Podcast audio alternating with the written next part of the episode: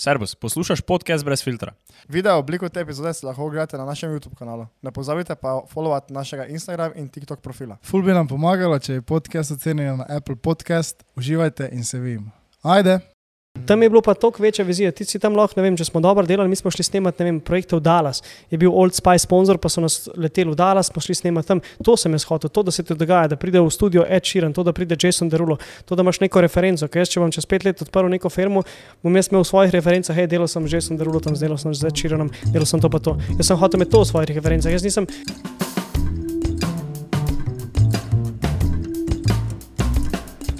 Vi, roče? no, imaš fuge, gor. kaj te je sram, da se, če si v dokumentarcu eh, fugo vzel, če en del dokumentarca, kako ti vzameš fugo.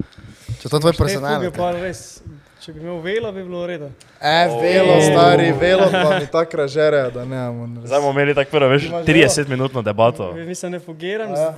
bolj vejvam, če že imam te, ampak se, se odvajam od vseh teh zadev. Ja, Ampak eh, če že velo, ja. velo. Vem pa so vele, mislim, vse so dobre, samo Kaj ti ražere, ražere ti ražere? ražere mi ful. A to pa ti ne, ne? To pa mi ne, to pa mi ne. Je kaj, ker imajo, kaj, kaj, mislim. Ne vem, po moje, če kak je bolj minti ali pa to veš. ja mo- Da. ne smeš v njih te najmočnejših, ne? Ne, ampak sme one velo bele, če veš, kje so. A, Tiste dvojke. navadne, ja, ja. Če, če sem šel ven, pa če snijamo celo večer, mislim, se ko si pijem, pa če jemlješ, ne. Mi je ražerlo celo. Zanimivo. Ja. Druge, to druge pa mi ne, druge. Vse bi mi se ne. prav vključiti v to debato o fugah, samo... Ja, jaz sem se samo, jaz sem se samo tako delal, da veš, vem, jaz tu ja, Ja. ne fugiram. jaz sem tu na odvajanju. Eh, So ti si že zelo dolgo na odvajanju, ne? Ne, nisem, nisem. Za en cajt nisem, zdaj pa malo zopet. To. Klemen, kaj bi si ti dala samo tak nared, prosim? Te stena? A, še špila, verda. Še špa. Uh, Klemen Kopina, Dobrodošli nazaj na 112. epizodi podcasta brez Podcast filtra. Hakl. Podcast Hakl. Ne, ni to podcast Hakl, to je podcast brez filtra. Danes z nami tukaj Ajde. DJ, MC, fotograf, radio host, Klemen Kopina. En aplauz za Klemena, bravo. Klemen, Uh, bravo. končno, končno. Ja, je Uh, bilo smo- en cajt, ne? Smo se mogli namučiti malo, ne? Um, To so to ti zvezdniki. Ne, sem, veš kaj, jaz sem mislil, da vi snemate v Mariboru. In Mhm. pol, da jaz pridem v Maribor, je to ena ura pa pol do tja, ena Ja, ura pa dobro. nazaj, dve ure podcasta, to in ti moraš prav dopusti vzeti cel dan. Mm. Kaj niti toliko nisi bil, da jim rekel, da lahko prijemo v Ljubljano? uh, Ja, Samo to je mogoče, ko smo se na začetku imeli, smo še res vse v Mariboru snemali. Ne? Smo Ja, se- se mogoče Na, tako za, za, že. na začetku, začetku meni, ja. to Ja. se spomnim, veš, ki se ta zgodba se začne leto nazaj. Ali pa še Mhm. več. Ker, eh, jaz se, spom- veš, kaj je to zdaj bilo? Jaz sem Luciji napisal, ne, če mi da tvoje fonsko. Urankar. Ja, ja, ja. Okay, ja. Ne, jaz sem njej napisal, hej, mi daš odklenila fonsko, mi bi ful njega imeli na podkastu, pa ona tako, ja, ja, ja, bom dala, ne. Mi pošlje fonsko in jaz odprem gor tvoje fonsko in jaz vidim, da mi dva že imamo message. In jaz sem pol se spomnil, da sem jaz tebi že enkrat pisal, ker smo ti verjetno poslali na mail, nisi odgovoril, poslali smo ti na Instagram, nisi odgovoril, pol pa, ker sem jaz veš taki Sherlock Holmes, ne, sem našel na Biziju, na tvojem, ko imaš SP prijavljen, sem našel tvoje fonsko, pa si ti tam prek pisal. Pa ne vem, če si mi odpisal, ne, ampak dobro si pa zdaj te drugič odpisal. Ja, ja, sej, te uh, Instagram sem full slab. Jaz sem po mojem najslabši, kar se tiče odpisovanja na Instagramu. Full slabo odpisujem, full nim, nimam tega, kar živčen sem, ki moram odpisovati. In pa si rečem, ne, zdaj ni pravi cajt, zdaj si bom vzel malo dlje, pa pol, ja, ja, si bom jutra, pa pol uno, pa to in pol nikoli ne odpišem. In sem grozen, kar se tega tiče, tudi frendom. Dos, uh, sem imel že nekaj, dv- dvakrat sem imel neko skoraj bejbo že, pa nisem odpisoval, pa me je kar skenstala. To je res isto. Tako da sem res grozen. Ja, to imamo mi iste probleme. ja. Ne. Ne, ampak res Ja. pa, če, ne, vem, če se z neko novo tako začne meniti, ne, dva, tri dni, moče redno odpisujem, pa pač pozajem. Ja, ja. Pozajem, pa vem, da 15 ur ali pa en dan že nisem odpisal, pa nikoli ne. Veš, to imamo zdaj tako dva pola, ne, tam uh, Oči- pubec je v izobilju, ne, tu toliko da na kraju. Veš, nismo mogli zdaj sploh tega več komprehendati, veš, da malo to pozabi na baby, veš, ker imaš tisto eno, te res ceniš. Vse ne. pri nama je isto pa s pisanjem, ne, da samo one pozabijo odpisati. Ja, ja, ja, to je. Ja. Očitno morate nove taktike, ampak uh, lej. Same boat, ampak uh, different ocean. Deep, stari, deep. Hvala, Kaj hvala. lahko zaključimo? To je podcast. Ne, uh, mislim, eh, smo se pa bolj končno vlovili dol v zrčah, ne se spomniš? ja, ja. Mi dva ono, ven z nove, pa on tam. Pa nama se oke znam. zasvetijo, ne? Ja, jaz, sem, jaz sem bil tam, kaj sem intervjuje, sem delal. Ja. Ja. In videl, pridete ven. Ja, samo če zdaj mi dva doma, to ti intervju, ti, ti priješ na novi podcast, ne? Zdaj, ja, prišel bom, samo zdaj, to resno govorim. Pa, če sem dal roko, bom prišel, bom prišel. Če sem dal roko, te sem ne mogel prijeti. Ja, Samo to- zato, ker sem roko dal. Ne? To pa se spomnim tam, da si na nekaj vprašal, ne? pa sem bil jaz, veš, tako sem bil pijan, da sem vedel, da moram biti tiho, ker če bom za nekaj rekel, bo ful glupo, ne, izpadlo, ker itak ne, mogo nič pametnega povedati. In potem si ti nekaj, nekaj si na vprašal, ne, pa sem jaz bil samo tak, krajca pogledal, pa vem. Ja, to spo, mislim, kaj si, kaj si postal tega materiala naredil? Uh, nekaj sem poslal naprej, nekaj se še montira, nekaj bo objavljal. Tvojega sem, imam tudi vajo, glizanj sem gledal material. No, ker sem da mislil reči, da če bi, še, to, Če to, bi se dalo to. če bi se dalo to skini. Mama, Ker mi smo se maksimalno potrudili, da bi ti material ne bi bil nezanimiv. Ker jaz, ko sem tako, sem vedel, sem pač kako je stanje, ne? jaz sem bil tudi tako, veš, ok, zdaj, zdaj če sem probo delati full treznega, ne, veš, ja, bo še slabše. bo, sla, bo še slabše, ne, Ja. so zdaj full pijan, pa tudi več veš, ne moreš neke bedarije, zdaj tu reči, ne, tako da sem probo, veš, tako nekaj full brezveznega, reči, da bi bil tako, ono, veš, Mm. koliko bi pregledal material, da Ne, bi bil vse tak. je bilo kol. Se itek to pol izrežem, tiste Ja, 3-4 itak, ja. sekunde in to je to. Ja, ja, ja, Tako da ni. Štajerci v Ljubljani, kak je? super. Kak je študentski život? Ja, Mislim, ne- to zdaj imam jaz največ izkušenj. ne. Jaz sem zdaj eno leto sem bil v Ljubljani, stari to. Žurke, bejbe. res je vrej. Na, pa, mislim- proti Mariboru, ko si ti Proti. Mariboru, veš kak je bilo, mi smo bili v Mariboru ravno takrat, ko se je vse po koroni odprlo. Ne? In da se je ful dogajalo, ful fulka je hodilo. Ja. Ampak pol pa se je ful zmanjšalo, vse pa nič več ni bilo v Ljubljani, pa konstantno. Jaz sem glih včeraj bil na štuku spet, ne? to je v Mariboru, vse resno poznaš. In ko sem jaz videl na televiziji njihovo reklamo, študentski torek in da bojo Mambo Kingsi, sem mislil kozla tam stari. To ti Mambo Kingsi so stokrat. Samo so tu na. Ha? Samo so tu na revolušno. Ja, samo veš, jaz, si, jaz se več ne znam naslikati tak tam na štuku. Ja, na štuku pa Ne res, morem Na več. štuku pa res. ja. Ne, ker ali greš na štuku, ali greš na trust. Samo jaz grem s to gre reči. prosto. No, gledaj, kakorkoli. Ampak glavnem v Ljubljani pa vsak je A, dan nekaj. To je moje zdaj prvo vprašanje za tebe. Uh, kaj ti sploh delaš? Ti si vse posod. Ja, v bistvu sem ujet v nekem telesu nekega deloholika, Uh -huh. kjer v bistvu izkoristim vsako priliko, ful imam ta močen oportunizem, pa ful imam močen ta fear of missing out in pa jaz hočem danes delati vse, ker hočem jutri kupiti in ker hočem jutri odprti to firmo in to. Tako da v bistvu se malo brzam, zdaj največ, kar delam, je zjutraj od 6 do 10 delam ta radijski program zvesto na centru. Pol delam še content pa project management za eno nemško firmo, delamo pač neke aplikacije, razvijamo neke stvari, tam delam pač neke komunikacijo med, nar med naročnikom in med uh, programerji. Pol delam kot DJ, kot MC, to, zdaj delam še organizacijo nekih dogodkov, delamo neke, ne vem, za Krim, rokometni klub, delam organizacijo nekih dogodkov. Tako, po pa še, če manj kaj cajta, grem pa še kaj fotkati, pa snemati neke te projekte. Ne. Ne vem, zdaj smo imeli en dober projekt s tem, s Formulo 1. To je bilo zanimivo. Če Ja. so taki projekti, pol se mi da snemati, pa fotkati. Mhm. Pa kot so bile v Nezrče, ki sem delal te intervjuje z artisti, ampak probam balansirati malo vsega. V bistvu edina zares stalna zadeva so pa, pač radio, pa, pa ta firma nemška. To me zanima malo za formulo. Kako je to izgledalo? Tako ne všeč mi je bilo, kako si rekel, da gre malo fotkat. Veš, tako da gre tu en, uh, tu dol za en lokal, malo par Ja, stik ja, stisniti. ja. Gre malo fotkat, tako za McLaren na Formula 1, ko se mi da. Kje Ja, je bila, kje je bila sploh dirka? Uh, Monza, Italija. Monza, to je bilo. Prvič sem bil na formuli, mm -hmm. gledam formulo že odkar sem ne, sedem let star. In pa se je ponudila ena priložnost. En teden prej smo šli pred formulo, so nas povabili, uh, te partnerje, s katerimi delam, so nas povabili na McLaren, v McLaren Tech Center v London. Smo leteli tja za 14 ur v London, bili v teh centru, so nam tam razkazali, malo povedali, kako kaj. Imeli smo pit stop test za pač, kako hitro lahko gume zamenjamo. Mm. Tako da to smo imeli, pa smo šli pa domov iz Londona, ko smo videli v teh center, nekaj smo imeli tam pogostitev, gledali smo v živo te kvalifikacije ali kaj je že bilo, uh, practice in to je to, pa smo šli domov. Pol formule pa zgleda tako, da sploh ti ne znam opisati. To je tako. uh, Tam dobiš, prideš noter, te pos- postrežejo z McLaren, mrčom, dobiš neko čelado, dobiš neke šalčke, neke, Čelado. Ja, neko mini čelado so nam aha, dali, okej, vsakmu okej. personalizirano. Uh, dobiš nek, neko kapo, neke podpise, neke šalčke, neke mini darilca, take zadeve. Uh -huh. To, pa pa ti v bistvu imajo, oni imajo te suite, oziroma ta pedok klub, se temu reče. Ja. In ima pa vsaka ekipa ima svoj pedok klub, Ferrari, Mercedes, kakorkoli, in oni ti lahko priješ v tak pedok klub, samo če te povabijo. Ja, ja, valjda. In uh, v bistvu je bilo tako, da so pač te partnerji v bistvu pač me povabili, McLaren je pol to dobro. In, in do, ko so oni odobrili, smo pa šli tja. Ti v bistvu zgledaš, ko prideš, kot ne vem, v nek prostor, kot nek, kako bi rekel, kot nek launch bar, sem mm -hmm. da ima ta launch bar direkt razgled na ciljno, Ja. pa štartno ravnino. Ja. Um, kaj je še kaj tajnega? Tam te strežejo.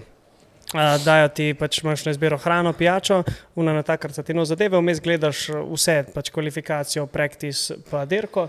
Tam pod, direkt, opa, direkt pod nami so bili pa te McLarenova garaža. Mm. Ti si v bistvu direkt videl, ko se ne vem, Lando ali pa Piastri, ki sta se prepeljali noter, si direkt videl, kako zamenjajo gume, kako, kako hitro je pit stop, vse si v bistvu lahko gledal. Um, pa pol te se, te ostali Ja. imajo tudi garaže. Tako da se v bistvu šetajo konstantno mimo tebe, te driverji pa to, pa pa vidiš tudi, kakšno, ne vem, Brad Pitte, pa neke ta Cabby Lane, pa neki Mhm. te poslovneži, športniki. pa tako. A mislim, da je bil nek te Vinicius, Junior je bil, ja. pa neki futbaleri. tako. Mm. Pol te pa spustijo, pa imaš pa še te, je pa še en drug area, kjer v bistvu ti greš dol in imaš. Um, Tam, kjer so v bistvu driverji, kjer imajo driverji svoje sobe, greš pogledat garažo, dajo ti tam une slušalke gor, spoznaš driverje, pogovarjaš se z driverji, na hitro narediš eno fotko in delaš neki kontent in fotkaš, snemaš in to je to. Po celem pedoku se lahko sprehajaš tam? Ali? Ja, mislim, Aha. imaš neke momente, ki se ne smeš, direkt pred dirko. Ja, valjda. Direkt pred dirko je rezerviran samo za te, te futbalerje in Gordon Ramsay in Brad Pitt. Pol pred dirko, pa kadarkoli greš tam po pedoku. Mislim, po pedoku si, pedok je v bistvu ta del, kjer imaš svoj sud, McLaren, Ferrari sud, v bistvu se lahko sprehajaš cel cajt, si skozi noter, Mm. ker tako pač imaš kar tiket za to. Če si pa v pedoku spodaj, kjer imajo pa oni sobe, ti driverji, pa kjer imajo te neki direktori svoje sedeže, pa to, tam imaš pa nek omejen čas, koliko si lahko tam noter. Pa pit walk imaš, pa greš v bistvu direkt do formule pogledat, malo pogledat v garažo, kaj delajo, kako to. Mislim, brutalno. Nisem Ja. ja. si upal predstavljati, da bom kot ne vem, nek sedemletni fan formule uspel doživeti, daj, da bom tam se dotaknil formule, gledal, kako gre Lando Norris v avto, preden začne svojo dirko. Tako, pač one of a kind experience, no.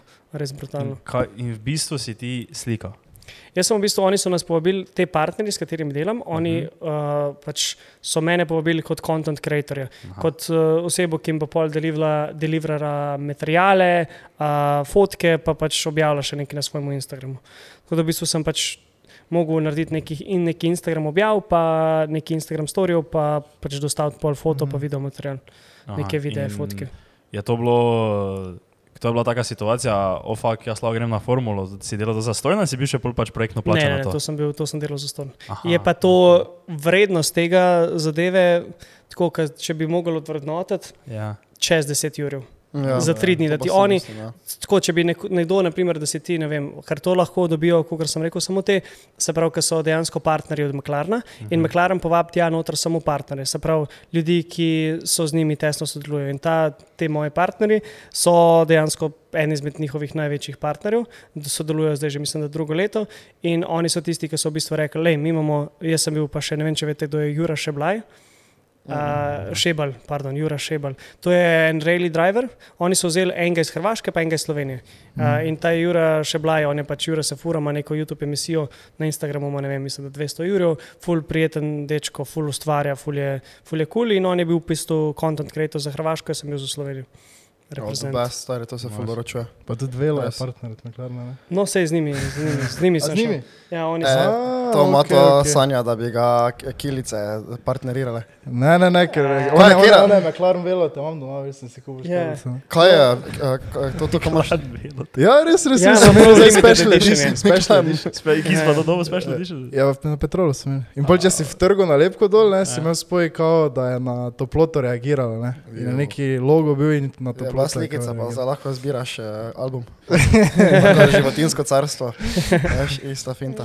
Ja, No, no, z njimi, ja, oni so Ja. tisti, ki so povabili. No, oni imajo pač, če ne bi bilo njih, jaz te karte ne moreš kupiti, ne moreš priti Ja, noter valjda. brez te karte. Tako da v bistvu so oni edini, ki so me lahko povabili. Oni so poslali mene pa tega tipa v potrditev in pa so naj odobrili in so rekli, super, všeč nam je, kar delate, glede materijala, foto, videa, kar so nam poslali. In to je to. Tako da mislim, ne znam si predstavljati, kaj da bi lahko to si sploh prvoščil pa šel tja. Da ja. Upam, da sem odgovoril na tvoje vprašanje. Samo tam moraš biti res zmrežen, stari, da veš, prijaš na take. ve. Ja, no to sem jaz ravno mislil vprašati, veš, ker to si zdaj ti tako rekel, veš, tako si zdaj to šel, ne, ampak daj razloži malo, kako kak si se tako pozicioniral, kako si se spravil v tako pozicijo, tako malo, če pogledaš za nazaj, veš, ker naprimer eh, ti tudi slikaš, ne? Ampak Ja. ja. ti si še na McLaren slikaš, ne? pa Formula 1, pa tudi na v novo greš, pa tudi na, na Tomorrowland greš slikat, ne? McLaren ne, sem pa uh, slikal enkrat uh, žegen traktorjev tam. To je skoraj isto. Tako da, kar ne.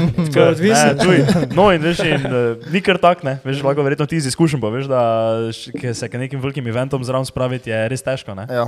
Tako da mislim, kako si ti se. V bistvu je tle sem imel dobro mrežo, dober network. Jaz že v zadnji, ne vem, tudi zato sem šel takrat v Ameriko, ker sem hotel se naučiti stvari, pa delati neke, na nekem višjem nivoju, pa tam to v bistvu šola. Tam sem imel vsak dan sem imel nek breakdown, ker si 16 ur tam, pa pride do tebe nek klient, ki je huge client. Pa ni to tako, da bi rekel, zdaj tle pride, ne vem. Nek slovenski artist, ker Slovenija je mehna država, mi smo 2 milijona nas je, v skalu Amerike, ki jih imaš, ne vem, koliko jih je, 400 milijonov zdaj, je to nič. Pa angliško govorečih ljudi je pol sveta govori angliško, če ne celo več. Ne? In imaš ti pol primerjavo njih, ki so na tako večjem skalu, da sem, sem prišel nazaj, tako se mi to spet ne zdi tako. Big deal, ker tam delaš nekem večjem skali, tle pa priješ spet nazaj, pa se igraš z nekimi tvemi. Tako da jaz bi rekel, da po mojem network, sem, da imaš dobro mrežo ljudi, pa delati moraš. Pač ti moraš ustvarjati, ti moraš iti v, pač delati vse. Jaz sem, ne vem, pet let nazaj sem sprejel vse projekte, ki sem jih dobil. Jaz nisem spal včasih po, spaš, spiš po 3-4 ure na noč, sprejmeš to, zato ker veš, da ti bo ta projekt mogoče odprl vrata Ja. naslednji. Meni so oni, ki sem dobil prvo popraševanje za ta Tomorrowland. S to isto firmo, oni so mi poslali, sem jaz mislil, da to me nekdo prenka.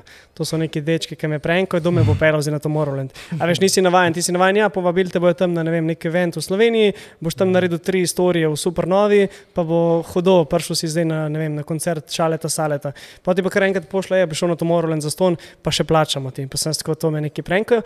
In pa sem začel networkati in pa v bistvu spoznaš na takih eventih, kot je na formuli, spoznaš nek nov, eve- no, neke nove ljudi, ki te pol pomrežijo z nekimi. In pol ima on nek veljo v tebe, naprimer jaz mu lahko ponudim ne vem, neko storitev, ki mu jo lahko ponudim cenej, kot mu jo ponudijo v Ameriki, naprimer vem, izdelavo uh, ne vem, spletne strani ali pa izdelavo nečesa drugega, ali pa ne vem, fotke, video. Tako, -hmm. on pa v bistvu z omenom mi. Zato, ker smo dobro ne vem, naredili nek biznis, mi on ponudi, hej, a bi šel, ne vem, manj dva, ti, dva tiketa za, ne vem, formula, uh -huh. ne bom pelo žene, pa lahko dam dve karti viška, a bo šel. Tako, pa, pa pač je v bistvu samo v odnosih. Networking odnosi pa trdo delo. Ti moraš oddelati, ne vem, 200 eventov, 300 eventov, da pa lahko vidiš, v bistvu, zakaj se sploh gre, pa da se znaš v tej določeni situaciji sploh obnašati, pa vedeti, kaj je. Veš, ker če bi jaz šel dve leti nazaj, ja, je bil tako. Sam bi tam težil, unmu direktorju bi tam težil, tizga bi tam šel bi do driverja, pa bi mu težil pol ure tam. A veš, tako ne bi se znal obnašati določeno in pa, pa moraš moj nasvet, sam čim več delati. Sprejeti vsako priložnost, sprejeti vsak event, na vsakem eventu se nekaj naučiš, spoznaj nov folk, se mrež, pa to je po mojem najboljša opcija. No. Uh -huh. Pa se pa itek vrata sam odpirajo. Jaz sem v neki točki sem se rekel, pa zakaj se meni zadnje cajt tako dobre stvari dogajajo in sem bil tako. Pa sem pa naredil neko analizo, pa sem rekel, pa dobro, sej zadnje leto nisem šel na dopust. Vsi projekti, ki sem bil v tujini, so bili samo izključno biznis. Uh, vse zadeve, ki sem jih delal, sem pač delal samo, nisem imel baby, skoraj da nisem imel friend, uh, nisem friendov, cajta za frende. Sam delaš, skozi delaš in pol delaš 100 projektov, spremeš vsako priložnost, poznaš nekih milijon ljudi. In pa sem se spoznal, da ja, mogoče se dobre stvari odpirajo, glih zaradi tega, ker pač imaš večji dedication kot ostali.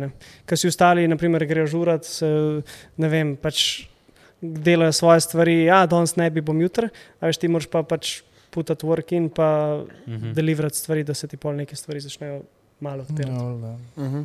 Tako da iz tega. Torej, ti si šel ono, pune hamre. Pune, ham- pune hamre, oni da pune bombe noter. Ne. Pa si, pa si v tem obdobju, ne, se verjetno še zdaj podobno, ne, vidim, da ful delaš pa to. Kaj je, vidiš kakšen downside tega, ker veš, zdaj si opisal to super plat, ne, ko dobivaš Ja. priložnosti, ne vem, uh, tudi s tem pride cash, ne, pa vse to. Ampak, Ja. ja. kaj pa recimo tak drugi del življenja, se ti si imel kakšen moment, ko pa si videl, fakt, mogoče pa malo preveč. Ja, doskrat se mi to zgodi, naprimer, ko prideš.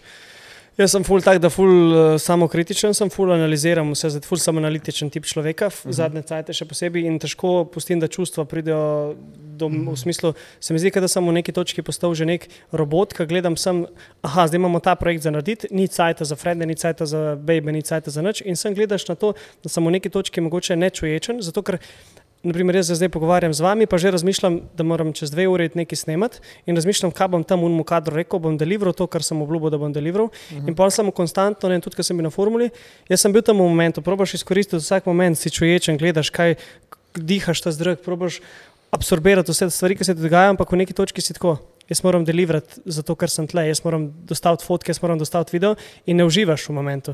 In letos sem se najdel na Tomorrowlandu, ker sem bil v neki točki, pismo vse je fajn, pa vse je odlično, pa sem plačan tle, pa plačan imam, da sem tukaj, pa vse imam experience, ki sem si ga cel live želel.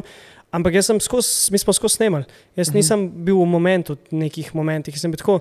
Pa če sem zdaj tukaj uživam, ampak zares, a zares uživam. Ja. Ja. Se pa vprašaš, doskrat, tako, zakaj, kaj, kaj je sploh moj cilj, kaj se to ženem, da. zakaj se bo jutri svet še zmeraj obstajal, zakaj moram vse danes narediti.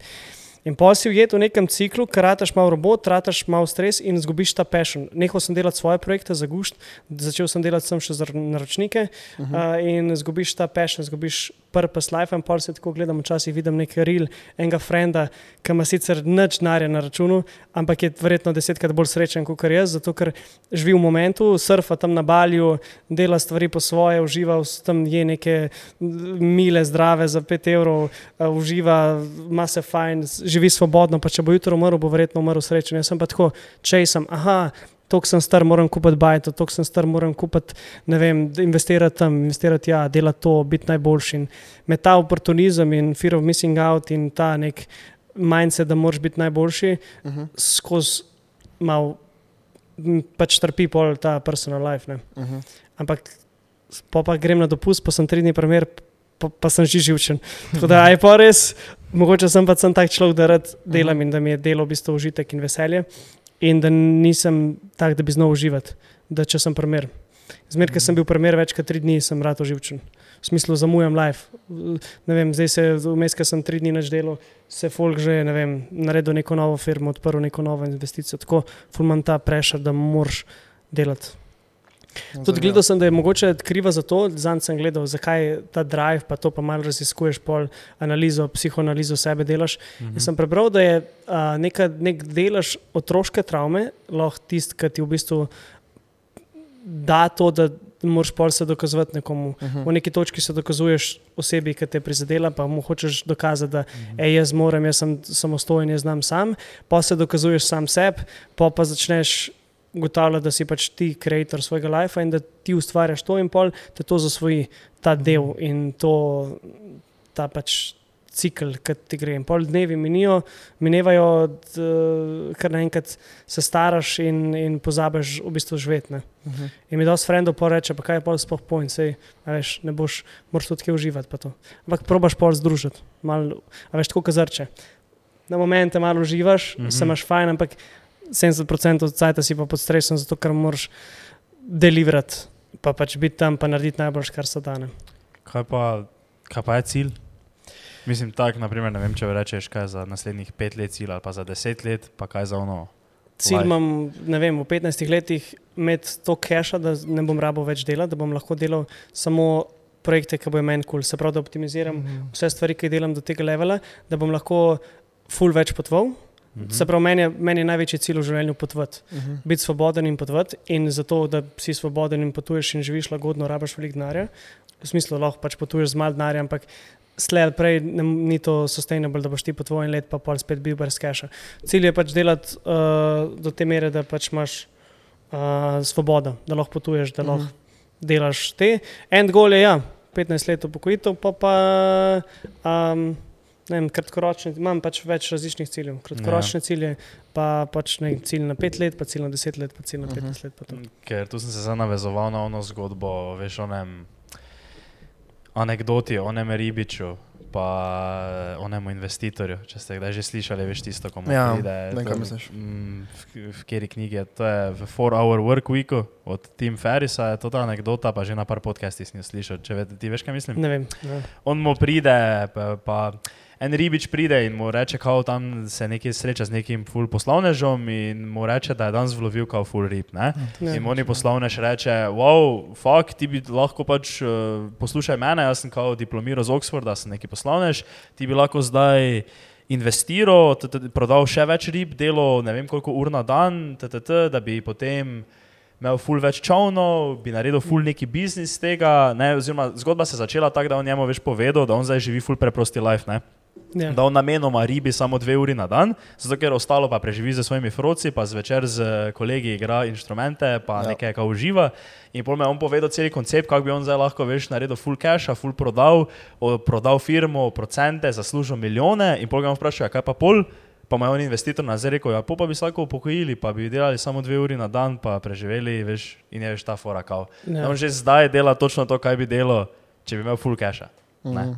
Ja. Ja. Veš, taka fora je. Ampak je Vsak- to anekdota. Ne? Vsak mora najti nek svoj purpose v life. Veš, nekomu, jaz vidim tudi prvesni, naprimer, ker on je full business oriented uh -huh. in full ima tako nekih distrakcij, kar se tiče dela in vsega tega. Ful nima časa. Ne? Ja, nima časa. A veš, ti jaz, ko pridem domov, stari moj so časi, nimam časa jesti. Pa se, se vem, da je to narobe, pa si probam vzeti sajt, pa prilagoditi tako. Ampak včasih si tok noter, pa ne da bi z namenoma to delal, pa uno, ampak tok si v noter v flowu, v delu, da je ura tako šest popoldne, pa tako fakt je že od vem, šestih zjutraj nisem načedel. In ni da uno rabiš, ker tvoje telo je skozi v nekem fight modu, skozi se bori, ta sestanek uno, tle moramo to predstaviti, tle moramo to narediti, pride nek problem, rešuješ problem v firmi, se v na radiju nekaj zgodi, a veš, ker je če bi jaz včasih prav zavidam ljudem, ki imajo 9 to 5 job, ki imajo samo en job, pa, pa si rečem, le uno petih zapre, pisarno, gre domov, gre na pivo, gre ženi, gre igrati FIFO. S- Pozab na cel svet, bere tam 24 ur, piše komentarje, spodaj, vi ste neumni, ne vem, dela svoje stvari, karkoli. On je srečen, on uživa. To je, to je, v nekih primerih je to ljudje, ki pač jim je to kul. Cool. In to je super. Če je tebi to kul, cool, je to način tvojega lajfa, ki ti ustreza. In zakaj bi to spremenil? Mm. Za me je to stres, ker vem, da bi se skozi tepo po glavi, se pravi, ne vem, dubu sem live, dubu sem ta dar življenja, zdaj bom pa jaz to wastel s tem, da bom gledal Netflix, pa igral FIFA vsak dan tri ure, pa eh, šel žurat, pa bil pe. Vse super do nekaj študentskih letih to delati, ampak pa, pa prideš tako.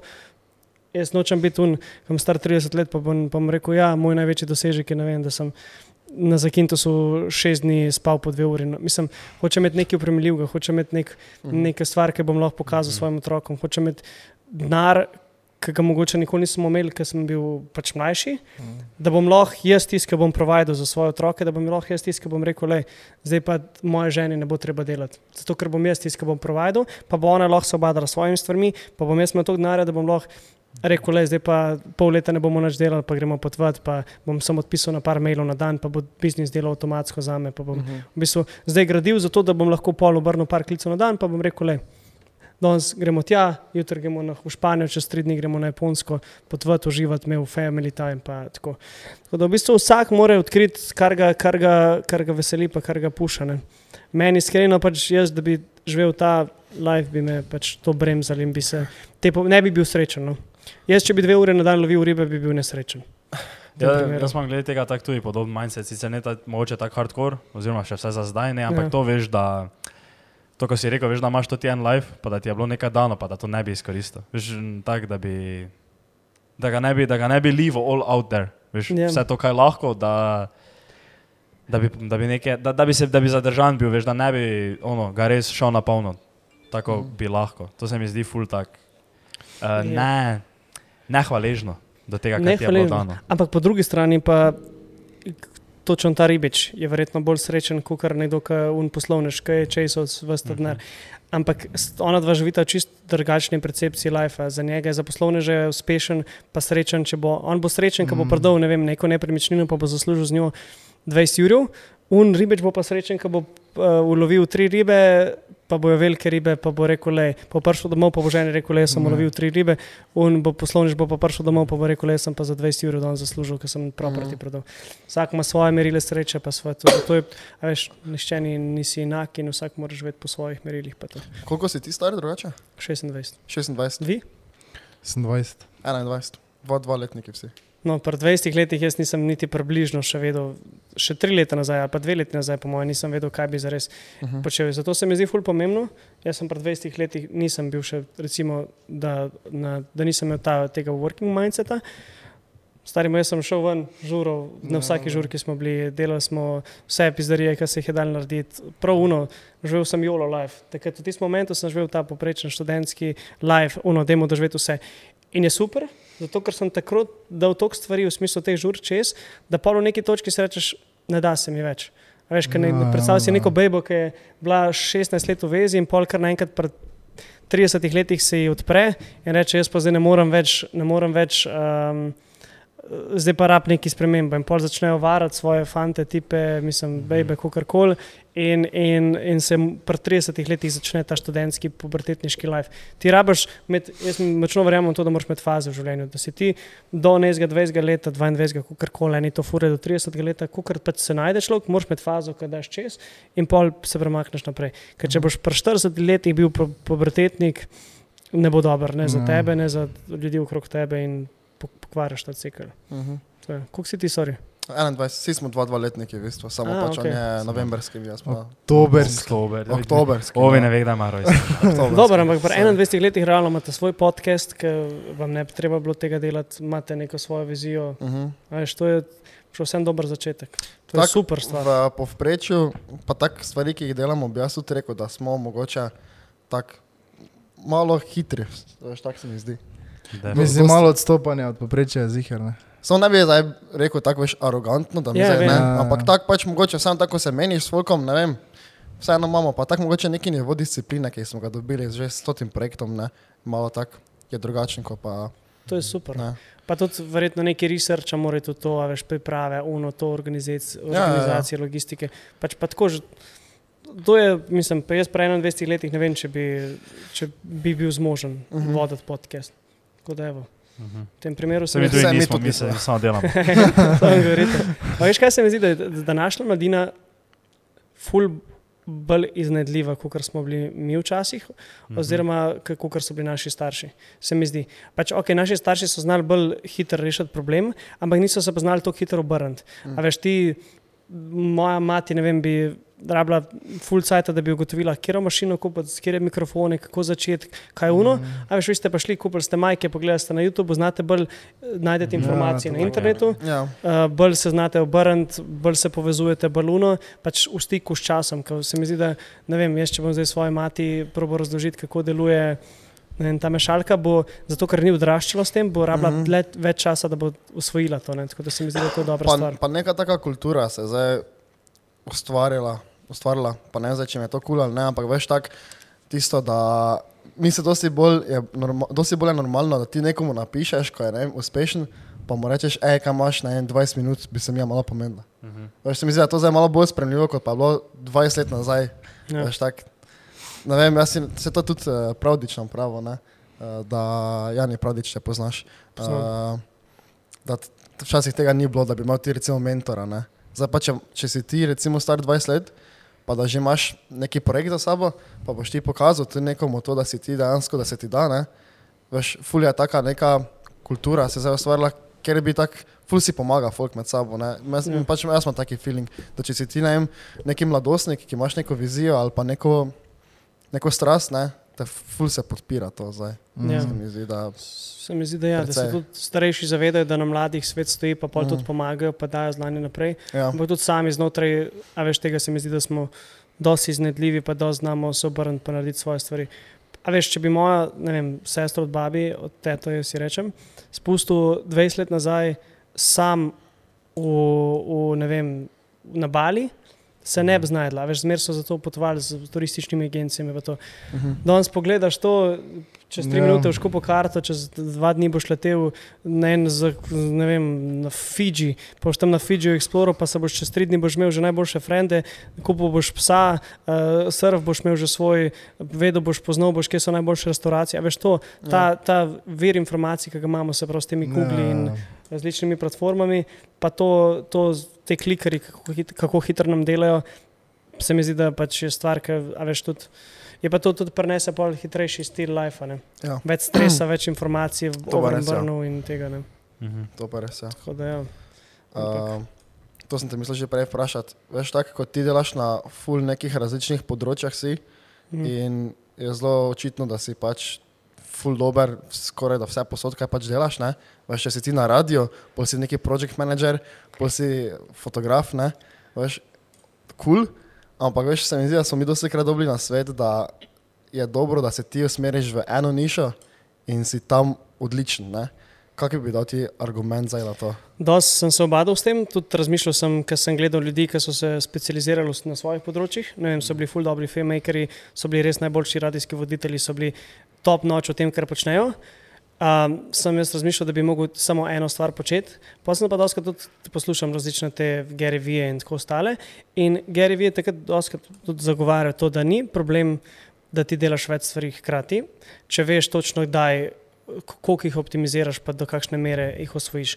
Ker jaz, na primer, bi bil nesrečen, če bi delal samo en job, če bi, če bi vedel, da imam samo eno, ker jaz rabim v naravi, že rabim uh, adrenalin, rabim nekaj več, rabim izzive. Jaz, če bi imel nek cilj, se mi zdi, da bi stagniral, zato ker bi bil skozi na istem mestu in zato rabim neke izzive. Kadarkoli sem dobil neko priložnost, enkrat je bil primer, nek uh, magician, je bil Julius Dean. Uh -huh. To je nek, pač takrat je bil on senzacija, imel je ne vem. 30 milijonov followerjev po vseh platformah. In jaz sem bil tako fuken, da sem šel, nisem ga poznal, nisem poznal nobenega od njih. Kupil sem karto za Milano, za njegov šov in sem šel na Flixbus, sem se odpeljal v Milano, ne vem, 9 ur vožnje, koliko je bilo takrat. In nobenega nisem poznal, sam sem bil star, sem bil, ne vem, 20 let po moje. In jaz sem šel tja v Milano in sem rekel, sem ostal do konca šova. In pol sem, sem rekel, le, pač jaz bom delal za te, povej mi, kaj lahko delam. In on rekel, kaj znaš? Pa, sem rekel, povej vse, kar sem povej, kaj rabiš. Je rekel, rabim video editorja. Jaz je res, pač sem pa vprašal, če znam. Pa sem rekel, ja, ja, obvladam. Nisem imel pojma o video editingu. Nisem vedel, sploh, jaz nisem vedel, v katerem pro- programu bom video edital. In jaz sem rekel, ja, obvladam, glih to študiram. Dejansko sem se opisal takrat na ta faks, ampak nisem imel pojma o video editingu. In jaz sem pa prišel domov in rekel, kako se jaz to naučim. On mi je pošiljal projekte, on je rekel, ok, začnemo, k- k- koliko bi rad bil plačan, vse uno, itek je bil pač človek, ki je imel, ne vem, on je snemal s Post Malonom, z Drake, z vsemi Neymari, z Messi, z vsemi snemal. On je že videl cel svet, potoval je skozi, imel je skozi content on the go. In jaz sem bil tako, a jaz lahko handlam to. In sem rekel, ok, sem poklical frende, ki delajo filmake in sem rekel, le, ti boš zdaj delal z mano, mi dva bova to delala, jaz bom predstavil tebe, bom rekel, ti si del mojega tima, mi dva bova skupaj editala. In sem najdel tega človeka in mi dva sva skupaj editala, mu pošiljala projekte. In takrat sem v bistvu delal za človeka, ki ni, nisem bil niti približno zrel, ampak sem rekel, vedno je vsaka stvar se lahko naučiš, čisto vsake stvari se lahko naučiš, čisto vse je, če ne vem, nek drug zmožil, ne vem, če Joža iz spodnjega dupleka lahko to naredi, zakaj jaz ne morem? Kaj, kaj me loči? Se pravi, imam YouTube, imam znanje, imam eh, tečaje, prek katerih se lahko naučim. Če on se lahko naučil, kaj mene loči od tega, neumen nisem, pač vem, da je vsako znanje usvojljivo, zakaj ne? Sem poklical prijatelja, sem pač rekel, da te mi pomaga, da te mi naučiti. Jaz sem bom sproti učil, kaj boš ti delal, pa ajde, to bom jaz se učil. In smo dobili projekt. In še zdaj, kadarkoli bom rabo karkoli v Londonu, zdaj ne delam več z njim, ker pač je v mestu to on rabo nekoga, verjetno, ki bo pač delal stvari, a veš, ti evolviraš, nimaš več toliko cajta, budžeti so ponovadi isti, pa tudi malo greš naprej, a veš, s tem dost fake magicov je pa tega in pa tudi se ti ni več interes tega delati. Ne. In sem, smo pa šli naprej, in, ampak še zmeraj, kadarkoli bom karkoli rabo, neko uslugo bom imel na voljo to. In to je spet ta networking, ki smo nazaj, da on pozna ljudi, ki jih verjetno jaz ne bi nikoli sam spoznal. In če bom imel neko priložnost, ne vem, ali poslovno priložnost, ali pa nekaj tasga, da bom rabo nek kontakt od nekoga, bo on tiskal, bo to deliveral. Zato, ker sem bil jaz pošten do njega, sem delal vse tako, kot moram in smo imeli nek pošten, korekten odnos in pol to. Evolvira do tega, da lahko izkoristiš. Vse imaš tudi mere, koliko lahko. Jaz, če ga zdaj vsak tri dan klical, bo rekel, ti si prefuken. Če ga jaz enkrat na dve leti poklical, bom rekel, hej, rabam eno, en kontakt v LA, uh -huh. delamo to pa to, a mi lahko zrištaš, bo rekel, ja.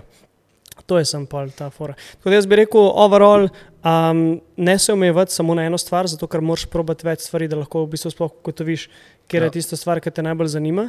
In jaz sem gotovo, da je pač trenutno glasba, radio, pa nek ta snemanje, mogoče še mi najbližji. Sovražam, naprimer, editing. Pač jaz imam posnetih 50 vlogov, zmontiranih od tega 4, zato ker sovražam editing Okay. sovražam zato ker glih to, moji možgani so malo ta ADHD in je sko all over the place in zato rabim toliko stvari tudi delati, Mhm. da ne morem biti primer šest ur pa gledati notro posnetke. Pa, aha, ta posnetek je boljši, tle, tle mi je bolj všeč, kako sem šel v transition, tle mi je bolj všeč, kako povem, tle je boljša svetloba, tle je boljši kader. Ne, uh Mhm. -huh. moji možgani niso narejeni za to in nočem se s tem obadati. In pol raj nimam vlogov, kot da editam. Sem pa preveč perfekcionist, da bi dal to nekomu drugemu. No, to sem bi- mislil vprašati, ja, zakaj na outsourcaš tega bolj. Zdaj sem najdel enega fanta, ki bo to delal, -huh. uh, pa je ok, pa je dober, ampak uh, je težko, zato ker jaz imam nekaj v glavi, kako si to predstavljam Mhm. in noben ne vidi tvojo glavo, težko pa je včasih tudi razložiti, ker moraš korak po korak. Pa ja. Ja. pa že, če pa vsak, vsako sekundo razlagam, je pa pol bož, da res sam naredim. Ja, Ker ti več sajto zame, da nekoga. Tako da mislim, da moraš nekoga naučiti na tvoj stil, pa da on vidi, pa da Mm. nekako se pokonekta, posinka s tabo in je to. to. Tako da proba čim več stvari, pa pol najdete, kaj ti je kul. Cool, ja, mogoče sem zato mm, malo. Sla, zato sem verjetno zagotovo slabši od ostalih, ki delajo neki 100% in so s- najboljši radijski voditelji in so najboljši uh, DJ-ji. Nis, jaz nisem najboljši DJ, jaz to vem. V Sloveniji imaš milijon boljših DJ-jev kot jaz.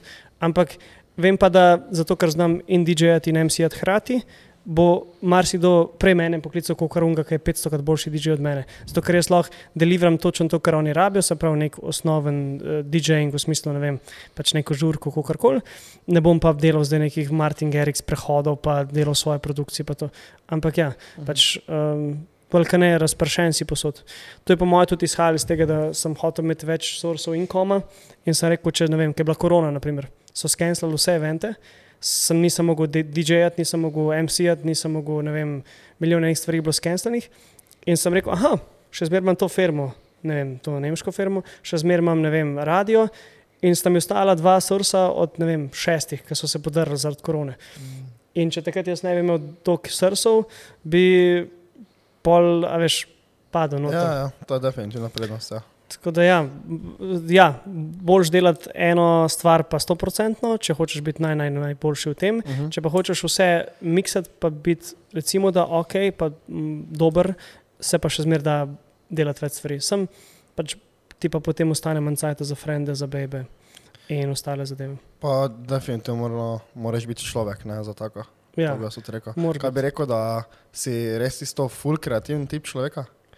Da, ja in ne. Na momente imam kreativo, ki se rečem, stari me to bi lahko prodal enemu v Ameriki, pa bi zaslužil masne denarje s tem. Uh Pa sem imel že momente, ko sem naredil nekaj, kar sem bil tako. To je bilo dobro, imam pa momente, ko se rečem, en sedemletnik biti boljšo kreativo naredil kot jaz. Pa sem tako, te mood swings je več, ker imam biserne momente, ki sem res uno, to je Mhm. dobro, pa imaš pa moment, ki se, ki res nič ne pride ven. -huh. Ampak pol tudi s časom se v bistvu naučiš, tudi nas tudi učijo vem, na radiju in posod, kamorkoli greš v neke te kreativne biznise, te učijo, kako privleči to kreativo, tudi če, nis, tudi če nimaš tega kreativnega dneva. Ne? Uh -huh. Da se ti zdaj v 8 zjutraj vstaneš, pa rečeš, le zdaj bom kreativen. In prisiliš svoje možgane v to, da rateš kreativen. Imaš neke metode, načine, kako sam sebe Mhm. prisiliti v to, da, da rateš malo bolj kreativen. Ampak um, ja, so pa dnevi, ki ni. Vi, kako je? A Imate kakšen dan, ki ni, se rečete, zdaj bom pa snimal, pa nič ne pride ven. Ja, veš da. Veš, Ja. da. Ja, pa mi dva smo tudi nasploh ful, ful tak v kreativnih, ne, Ja. vodah pa to, pa včasih, včasih, včasih ne gre. Ono, Ja, ja, res, res, ja. včasih, pa veš, kaj se mi tu zdi, da kreativno delo te ful zmuči. Ščrpate. Ja. Izčrpa te. Mhm. Mm. Tako veš, ti ful malo delaš, ne? oziroma veš, veš, kako mislim, naprimer, gledaj, jaz če zdaj editam, ne? Jaz, naprimer, jaz, jaz ko delam kakšen kontent, ne, veš, si skriptam tako, da si že skriptam edit tudi noter, ne, veš, si skriptam to, kaj bom povedal, ampak že imam od spodaj skriptam edit, ne, tako da mi Ja. veš, pol v postprodukciji ni več to toliko dela, jaz več ne razmišljam, kako bo tu z editom, ampak že imam napisano, kako sem si jaz to zamislil v glavi, ne. Ja. In mi je tisto delo, jaz bi včasih lahko v enem dnevu veš, on deset videov z editom, ne, pa ono delo, hopa cupa, ne. Ampak ko pa ti treba skriptati te videe, pa ko je treba veš to malo nekaj kreativen biti, ne, to pa včasih tako, veš, ono, tako narediš tri, pa si res celi že neki, ko megla si. Ja, ja, ja. Zmučite tako dela. Ja. A pa največji ruker dobiš tisto, največ, ko si zamisliš v glavi, v to bo tako fajn, tako res kul ideja, ne?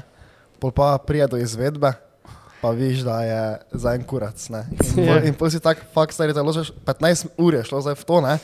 Da tega sploh ne bi dal ven, veš, ker pač ker ni to to. Ne? Ampak to je pa stvar, ki jo moraš začeti, zato da ja, Ja, veš, pride do tega, ja. da pol, ko boš naslednjič v isti situaciji, boš znal reagirati na to, pa boš vedel, Ja. da ja. hej, smo zadnjič to naredili, slabo je bilo, ne bomo tega mm. več Mhm. delali. Ampak ja, vse se mi zdi, da je po mojem pol izkušnja največ te. Ampak. Ja. Jaz sem še te mislil vprašati za radio, tako delaš, ne? Kako to sploh zraven priješ, kako se to začne?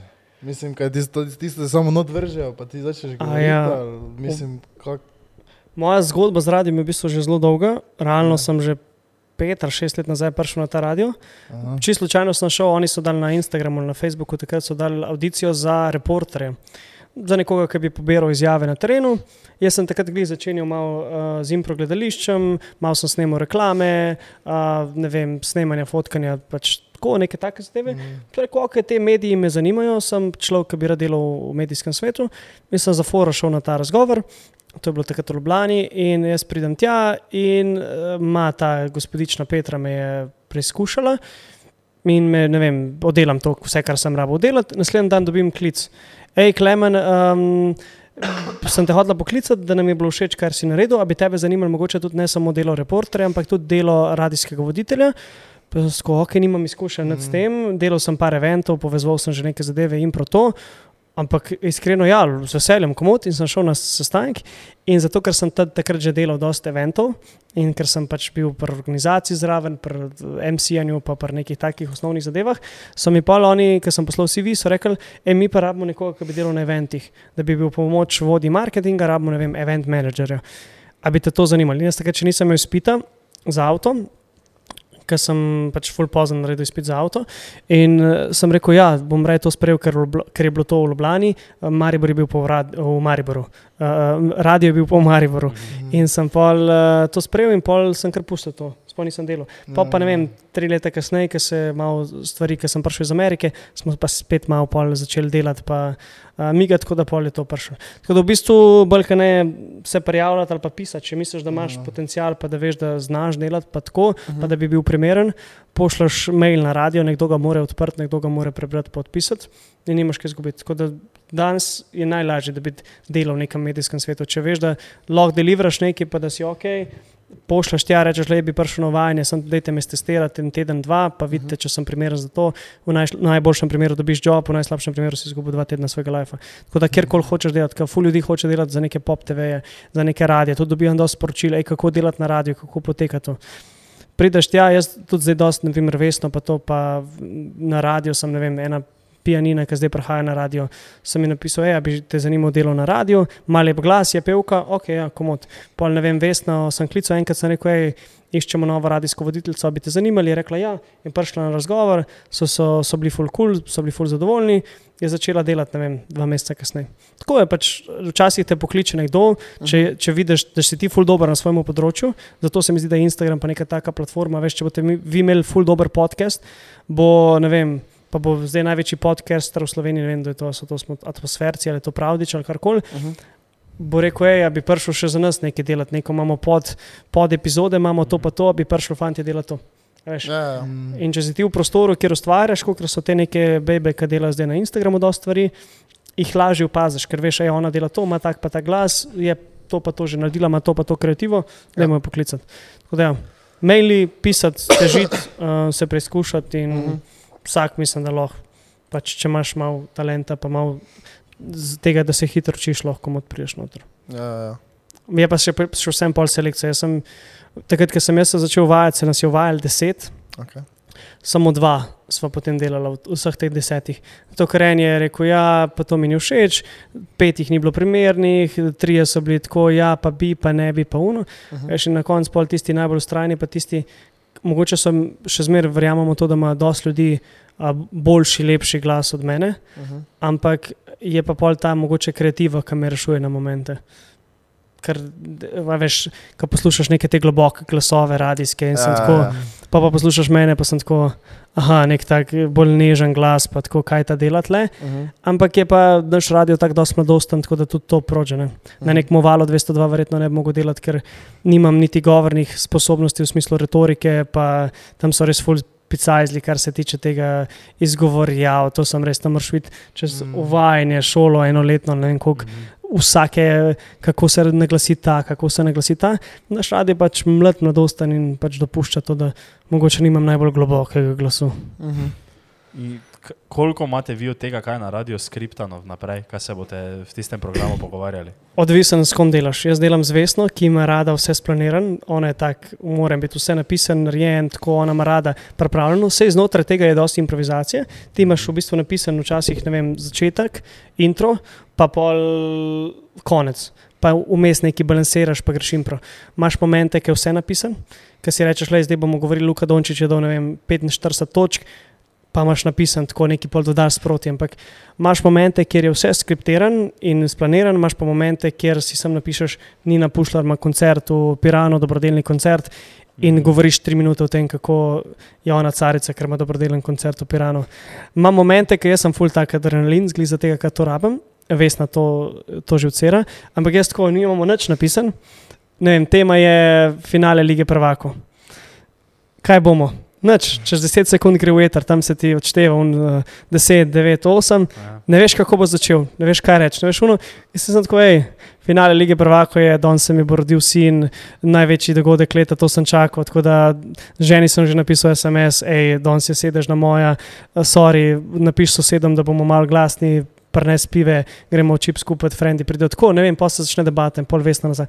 Pa kjer si ti kreten, zaradi lige prvaka bo ženo, da uspat, ne vem, v Mhm. drugo sobo. In pa se razvija z tega nek pogovor, nek punčline. Včasih mm. dobiš nekaj, včasih imaš take kreative, včasih nimaš No, no. kaj veš, kaj sem jaz mislil reči, ne? ker to je meni, ono, vi da je poslušate radio center? Uh, ja, mislim, tak, Sej ne rabiš. Ne jaz sem, uh, uh, ko imam favorites, ne? Uh, Mhm. To ti radio, zdaj novi v Maribor, Novi, ne? ja, novi, Movi. center, pa uh, Radio Val City. 202. A, okay. Ne, City, No, ker ker mislim, je da je to Ker, veš, jaz ne vem, zdaj, koliko je dejansko to skriptano, ne? ampak jaz, ko na primer poslušam to TMB, ne?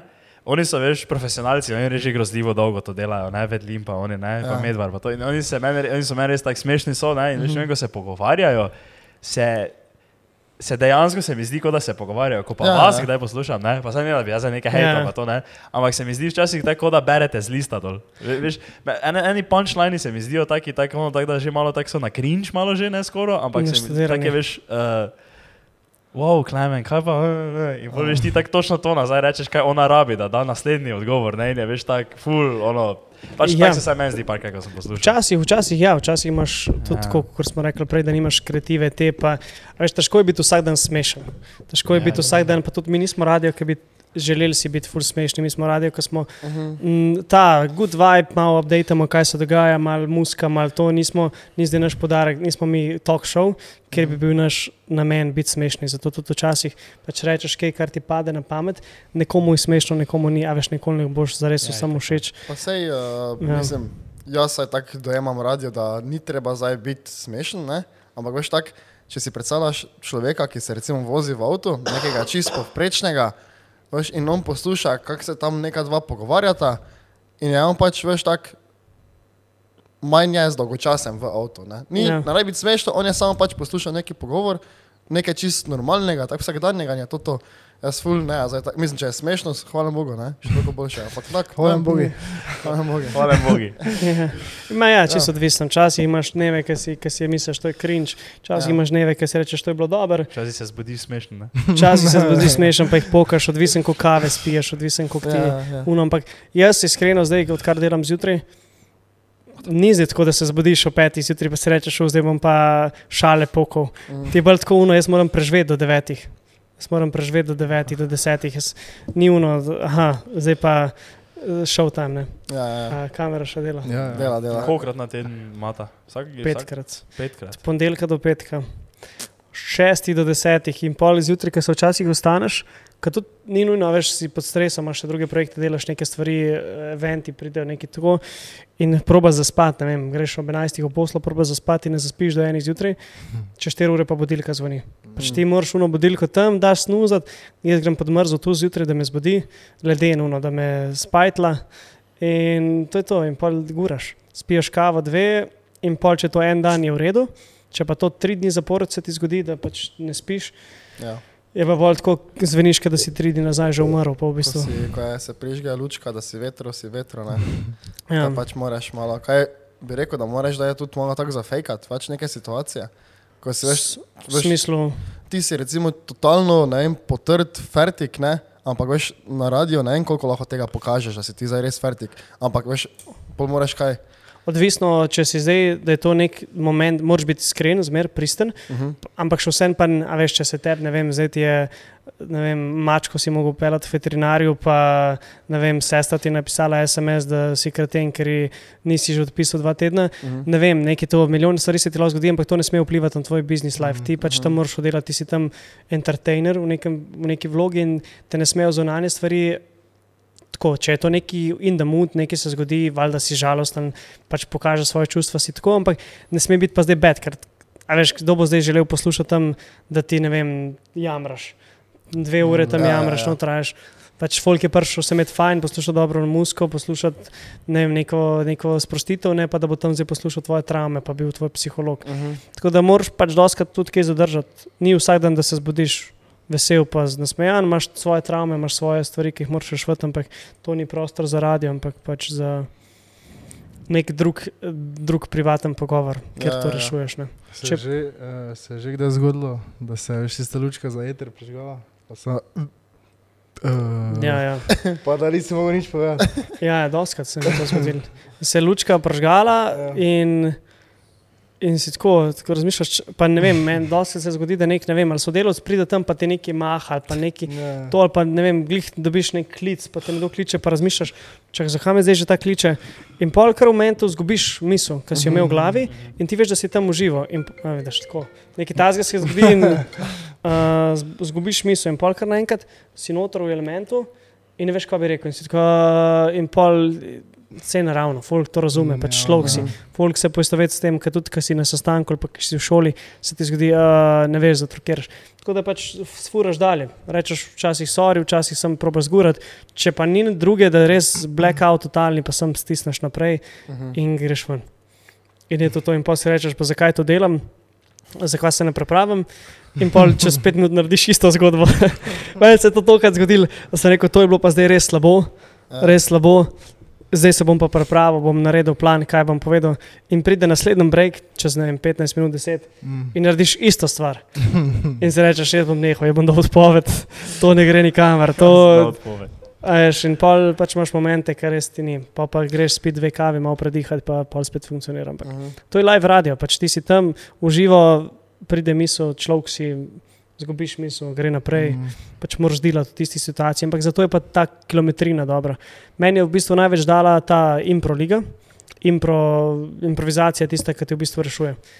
Tudi, ko bo prišel nek, bo prišel nek gost, pa bo mogoče dolg nek odgovor, ki ga ti nočeš slišati, oziroma nek odgovor, ki je mogoče ne zanimiv, ampak pa mogoče celo žalostno, pa neki, ne vem, moraš ti znati v tisti situaciji reagirati. Ja. Ker pač ni, ni popravnega spita. Ti, kar rečeš, zdaj to, to bo zmer zapisano noter. In ti, ki si to slišal, ne boš mogel tega več ven iz glave dobiti. Mhm. To je bilo izrečeno in moraš zelo paziti. Veš, tudi v momentu, če privat zelo preklinjaš, slej prej, če boš tudi etru, če boš privat veliko preklinjal, boš tudi v etru to prenesel, prenesel. Ja, ja, ja. slej prej podzavestno. Ne.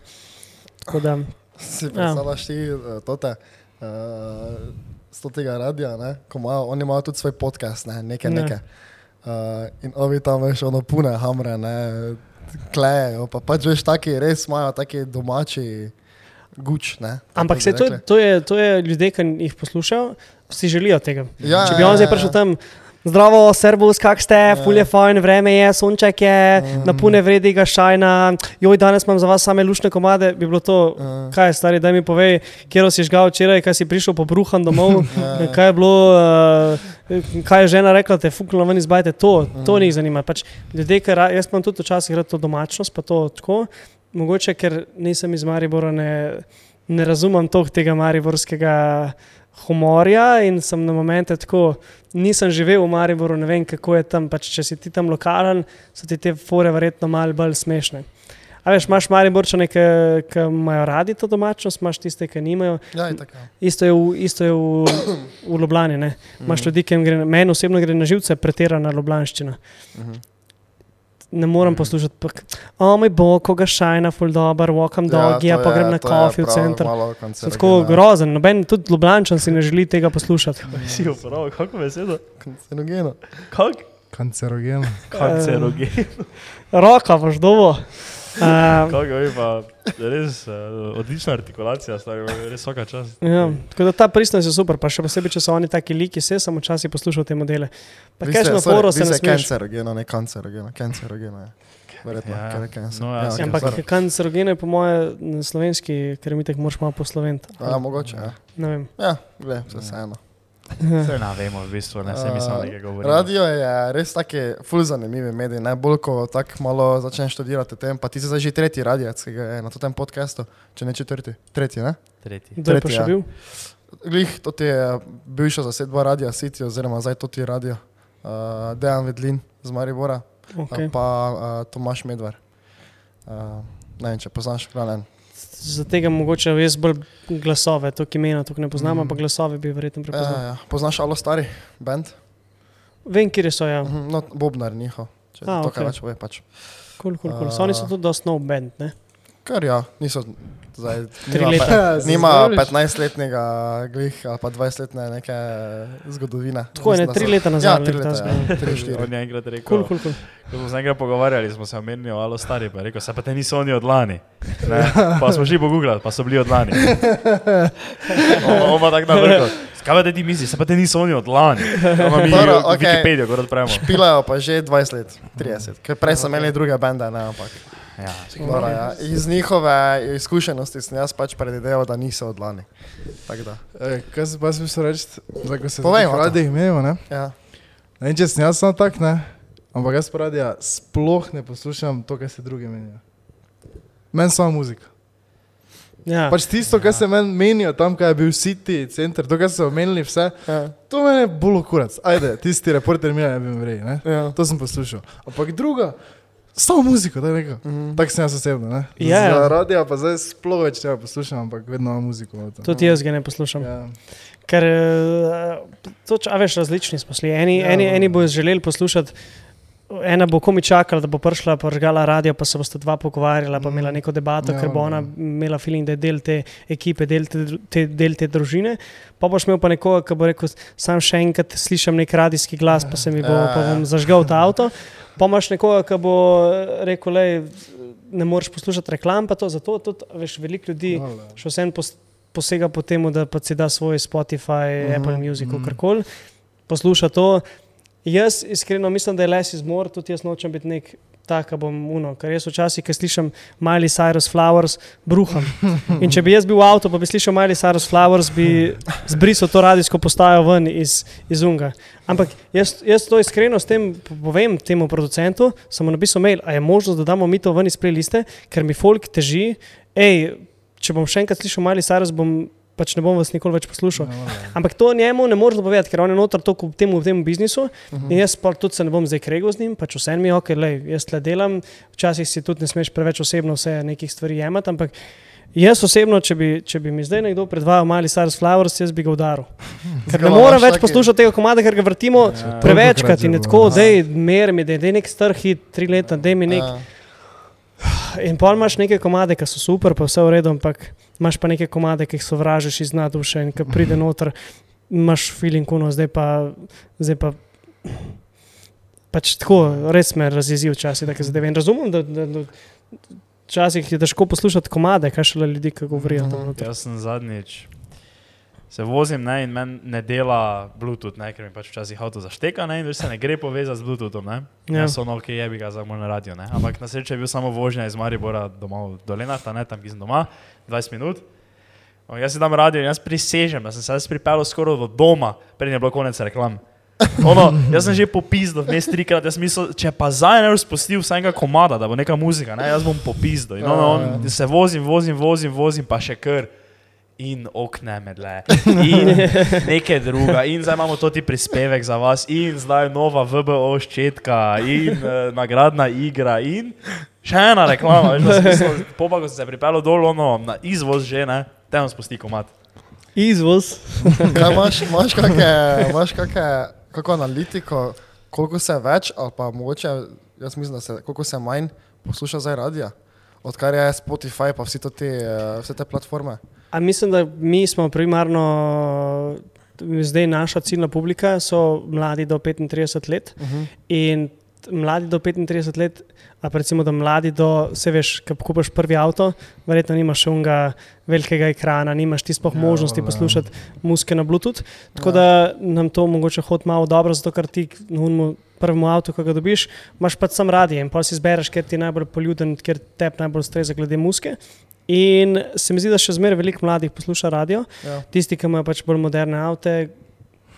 Valjda, če ti lahko izbereš točno tisti komat, ki ga hočeš v tistem momentu, Mm. -huh. boš si izbral in zavrtel tisti komat, ne boš poslušal reklam, ne boš, pos, ne boš poslušal radijskega voditelja, ne boš poslušal nekih Miley Cyrus Flowers, ampak boš točno tisti določen komat, ki ga hočeš slišati. Ne. In Ja, jaz ne poslušam radio, zato ker sem že tako saturiran, vsak dan poslušaš iste komade. In pa če bi še to v privatnih momentih poslušal, se ni dobro za zdravje. In zaradi tega. Tako da, ja, po moje, analitika je, ne vem, koliko je, mi imamo, vem, mislim, da 400 tisoč tedenskih poslušalcev. Zdaj pa ne vem, pol se malo te spremenjajo in delajo neke nove raziskave. Pa to včasih so to klicali te prek stacionarnih telefonov, To se medijana, pa te klicala domov na stacionarca, pa si se javil, pa so te vprašali, kje radio poslušate. Pa je tako na doma stacionarni telefon, doma. Z babice stare 70 let. Je tako, da je una rekla radio ognišče. Kva. Ja. In je bil radio ognišče mogoče najbolj poslušan radio po tistih raziskavah, ker ja. a veš, jaz nisem videl stacionarnega telefona že 15 let, po moje. Samo In- so kar dosti klice. Ja, ja. Ampak frekvence, problem frekvence je, da ima samo enosmerno komunikacijo in ti ne moreš zmeriti v določenem momentu, koliko je teh poslušalcev, lahko zmeraš prek nek, nekih raziskav, A, nekih anket, nekih unih, nekih to. Ampak jaz, če zdaj grem na to, ne morem videti, koliko ljudi zdaj posluša Radio Center. V neki točki ne veš, ali jih posluša 15 ljudi, a posluša 15 tisoč, ali jih je 300 tisoč, ali jih je pol milijona, ali pa je milijon ljudi gor. Mhm. Ne veš. Pa niti en. No, to je zelo mala vrednost, ampak vsem dobiš, pol mi dobivamo feedback prek teh Instagramov in prek um, A, nekih telefonskih številk, se folk prijavlja, pa kliče, pa piše. Ja. ja, ja, Dobiš ja. prek tega feeling, ampak dobiš prek DABA, dobiš uh, informacije, dobiš na spletni aplikaciji, a tej mobilni aplikaciji, Mhm. uno to, to dobimo podatke, da pa to da podatke, ampak frekvenca sama po sebi pa ne da teh podatkov. Tako da v bistvu res ne veš. Ko včasih lahko rečeš, "Ja, to, to me najbolj moti pri radiju.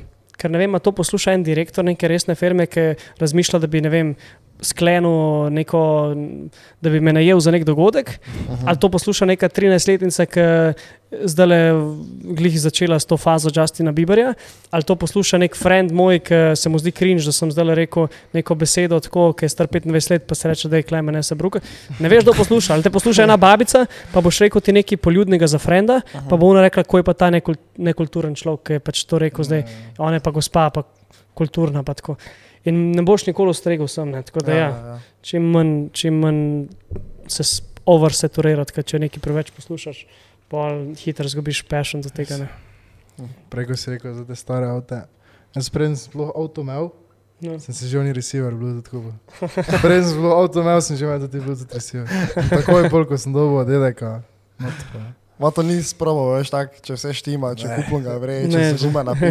Meni je, ne, to sem to si jaz pravil. Samo pum. Meni je vseeno, če se moj avto pela 50 na uro, če ne dela klima, če nič ne dela. Sam da imaš Samo da receiver. imam svojo muziko, stari. res. Dobro je, vse imam. Dobro je, dobro. Dobro je. Um, ja, malo je vse, vsak po svoje. Tud, mislim, da je tudi ta komercialen svet, ki ga živimo, v neki točki dobiš neke moralne, moralne mačke, Uh -huh.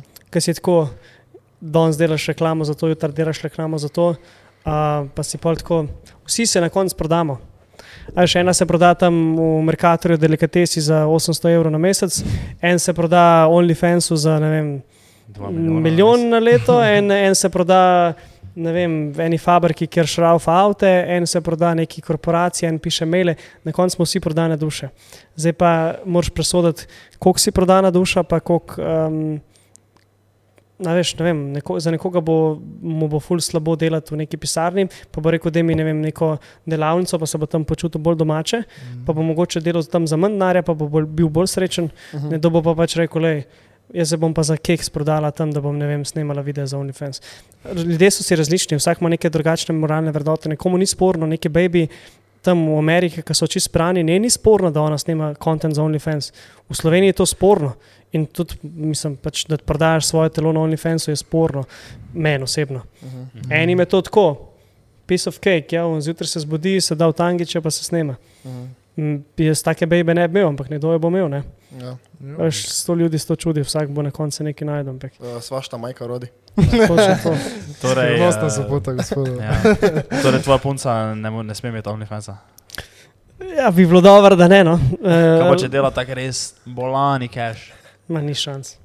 Imam jaz svoj cache, ne rabim njenega cache, pa ni. To je najhujše. Mislim, da tle zgubiš vso kredibilnost. Ker če ne znaš na drugačen način dobiti denarja, kot da prodajaš svoje telo, si pač sem ne ena navadna drolja. Mm. V smislu, zdaj ne vem. Pač nočem biti zdaj krivičen. So nekatere, ki ne objavijo ničesar, na OnlyFansu? Ja. pa ne, se ne slečejo. Snuno pa ima samo nek, ne vem, ima fotko, ki je oblečena v neko office uh, outfit. Mm. To mi je mogoče še ok, da je tam, da ni golote. Čim ti daš svojo goloto gor, konc, zgubiš kredibilnost. Noben te ne bo več kredibilno jemo. Kaj če prodaja z okne, tangice, eh, uporabljene cote za švice. Super, odlična biznis ideja. Ja, sem, stari, verjetno bi, to jaz bi investiral v to biznis idejo. Pač. ne bi bil pa, ne bi bil pa, ne bi imel pa take punce ali pa to. Ja. Super, če Moto dobro. kupuje to. Pa to se zdi odlično, ker kupuje za To je švicave super. Pa tankice. tisto, stari, Ja. da svojo vodo, vodo, kopalno. A, prodaja, bath water. stari. Bath water, A, ja. To Eh. pa. Če to, na vsake toliko dobim na Instagramu, kakšne une majstre, ki hočejo slike stopal, Pa- Ja, to sem Že prej prine. Pa si poslal? Ne, lažeš, kako si si val za nisem poslal. Od kje si pa dobil denar dodaten? A veš, a da bi zašli v DM se pogledati, veš, že vidiš, tako Ja. Ne, ampak, smrti to prsti je- pa. To je vse fake, ne. To je vse fake. Po mojem, ja. ne, kakšen, kakšen, ja. Ja, no. Jaz mislim, da mogoče res za Jaz tem sem stoji. nardobo, gledaj za nenčere. Se na koncu ni važno. Ne vem, po mojem, nekdo more dejansko to. Obstajajo ljudje, ki dejansko so te food fetiši in Ja, veš, da. je, se skriva pod nekim fake profilom, ampak si pa zares želi to in zares pripravljen plačati. Mhm. Štima v fukin, pa imaš full denarja. Ne, imaš full denarja, viška pa kaj te njemu 500 evrov da za to, Ja, da ti mu valjda, ja. pošlješ fotke, nog, mu več pomeni, da une, no, ne vem, vse ljudje so čudni, vse dan danes težko biti že normalen v tem Ja. svetu. Ja, to, to je res. Ampak ja. Ampak jaz ne dobivam takih messagev, ne. Imamo pa kolegico, ko pa dobi milijon takih messagev, ne. Ampak pač ne, sploh ignorira vse, ignorira. Jaz sem rekel, enkrat pač odpiši, ne. Da res vidiš, kaj se zgodi.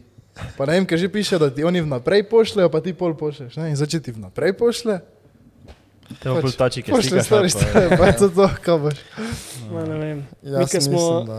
Ja, kar pove. Ne, ne, kar dej. Jaz mislim, da tak za njeni primer, ne, da tako upana ni, ne, da bi zdaj mogla to narediti. Ne, pa obupala, vele, jaz bi to eksperiment naredil. veš, To, to, se, gre- to, je- to se gre za znanost. torej Za Znamo znanost. delo, catfish, ne, ki pride pol, pa deva se dobiti v živo, pa pride pol en Ja, ja, ja. čičo star, prevezen. Škaj sem, sem delal v tam, ko sem bil v LA, to je bilo pa, tam so pa standardi pa vrednote čist.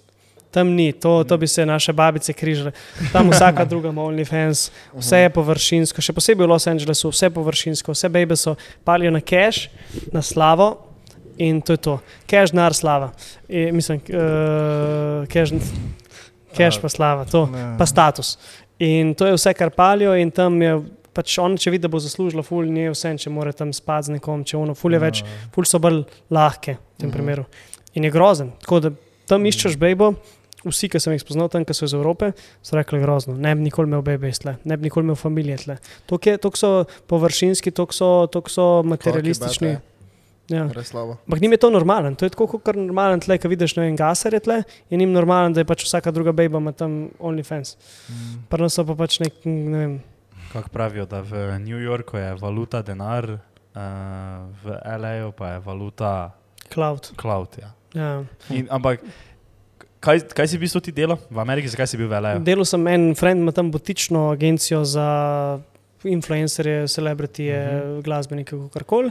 In oni so v bistvu zaštartali, uh, oni so ena agencija, ki je živela, oni so zrastali s tem, oni so bili vajnari takrat. So zrastali na vajnu, ne vem, če veš, da je King Batch, Ja. Ja. Amanda Serni, Ja, Logan ja, Paul, ja, te. Oni so, to so te. To so bili ti en snemalci, en strov, uh, en Jesse, ona dva sta živela tam s temi logani pa stoji, oni so živeli na 1600 Wine Street, to je bila tista ulica, kjer so Ja, se ja. snemali in ta tip, Tisti moj šef, njihov. Ja, O, to so bili OG. In ta moj šef, on je bil njihov snemalec, on je, on je zbildal King Batcha, Amanda Serni, on je snemal za njih vse.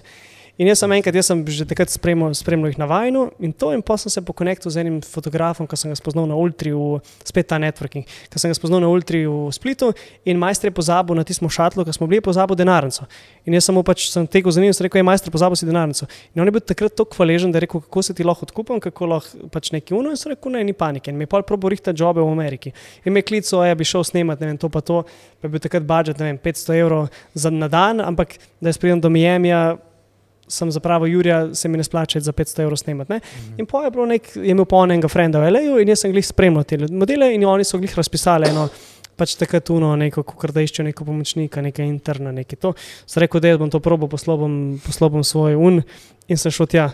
In sem se zmenil, poslal svoj showreel, poslal svoj uno, un je rekel, le to je moj friend, to je moj friend in avtomatsko, ko dobiš priporočilo prek frenda, si že noter in videli so, kaj sem delal in so rekli, ok, prid. In sem šel tja, tako malo za probo, malo s, fre, nič z namenom denarja, nič z namenom. To sem hotel, sem izkušnje, da bi znanje, hotel sem njih spoznati v živo, videti, kaj dela. Prvi dan pridem v pisarno, imamo nek unovoden meeting, kaj ti, kaj uno, kaj tretje, kako boš, imel uh, osnove tega, kje boš živel, kaj boš delal, kaj boš to, uno, tretje. In že dobim prvi projekt, uh, Brand Riviera, pa My Life is Eva. Dva, m, pač v Sloveniji nepoznana ja, content creatorja.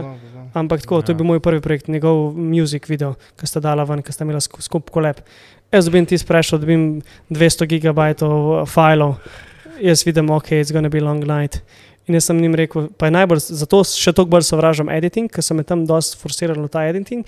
Sem rekel, ne, jaz hočem delati kreativo, hočem delati uh, produkcijo, hočem delati to. Mhm. Sem rekel, da gremo na snemanje. Jaz bi stokrat raje snemal, kot da editam. In smo se full pokonektali, tam sem enega Brendona, s katerim smo največ snemali, on je bil glavni snemalec.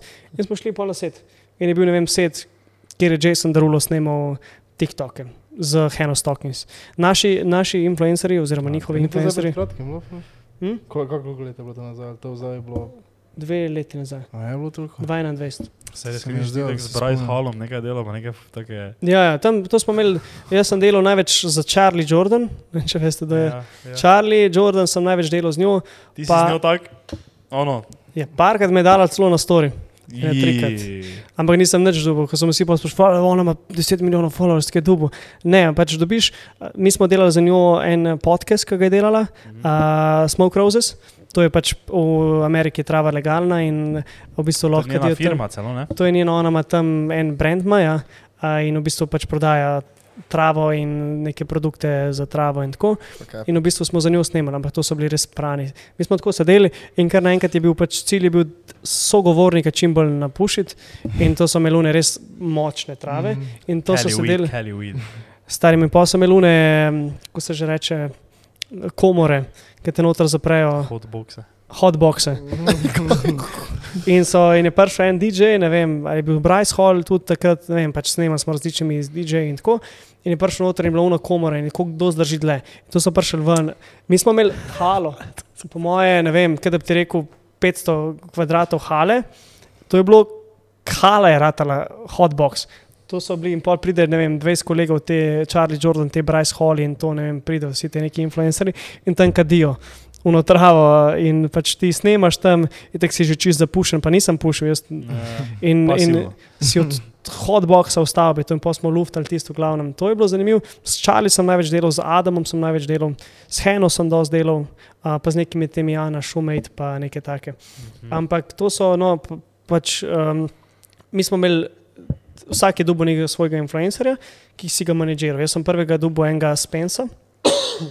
Spence je fitness creator, ki je bil, ne vem, full friend z Logan Paulom, pa še zmeraj imajo neke kolebe. tako. Mhm. In jaz sem pač delal kontent za njega. Delal sem v plane, scenarije, uh, časovnice, kdaj se bo snimal, kaj, kaj rabimo, kaj uno, kaj tretje. Sva šla ven, sva snimala videe, sva samo editov video, vse sem delal za njega.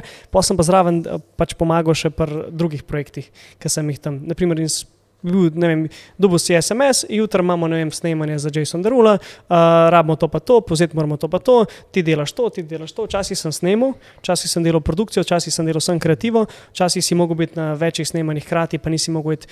Ne vem, še tja, pa tja snemati, ker je še vse velik. Tako da, ja, pa smo imeli eno snemanje, smo imeli z Čironom, Um, tam nisem bil nič tako pomembna vloga, tam sem bil sem pač uh, pomoč temu mojemu šefu, ki je snimal, pač si bil first assistant uh -huh. za, za snemanje.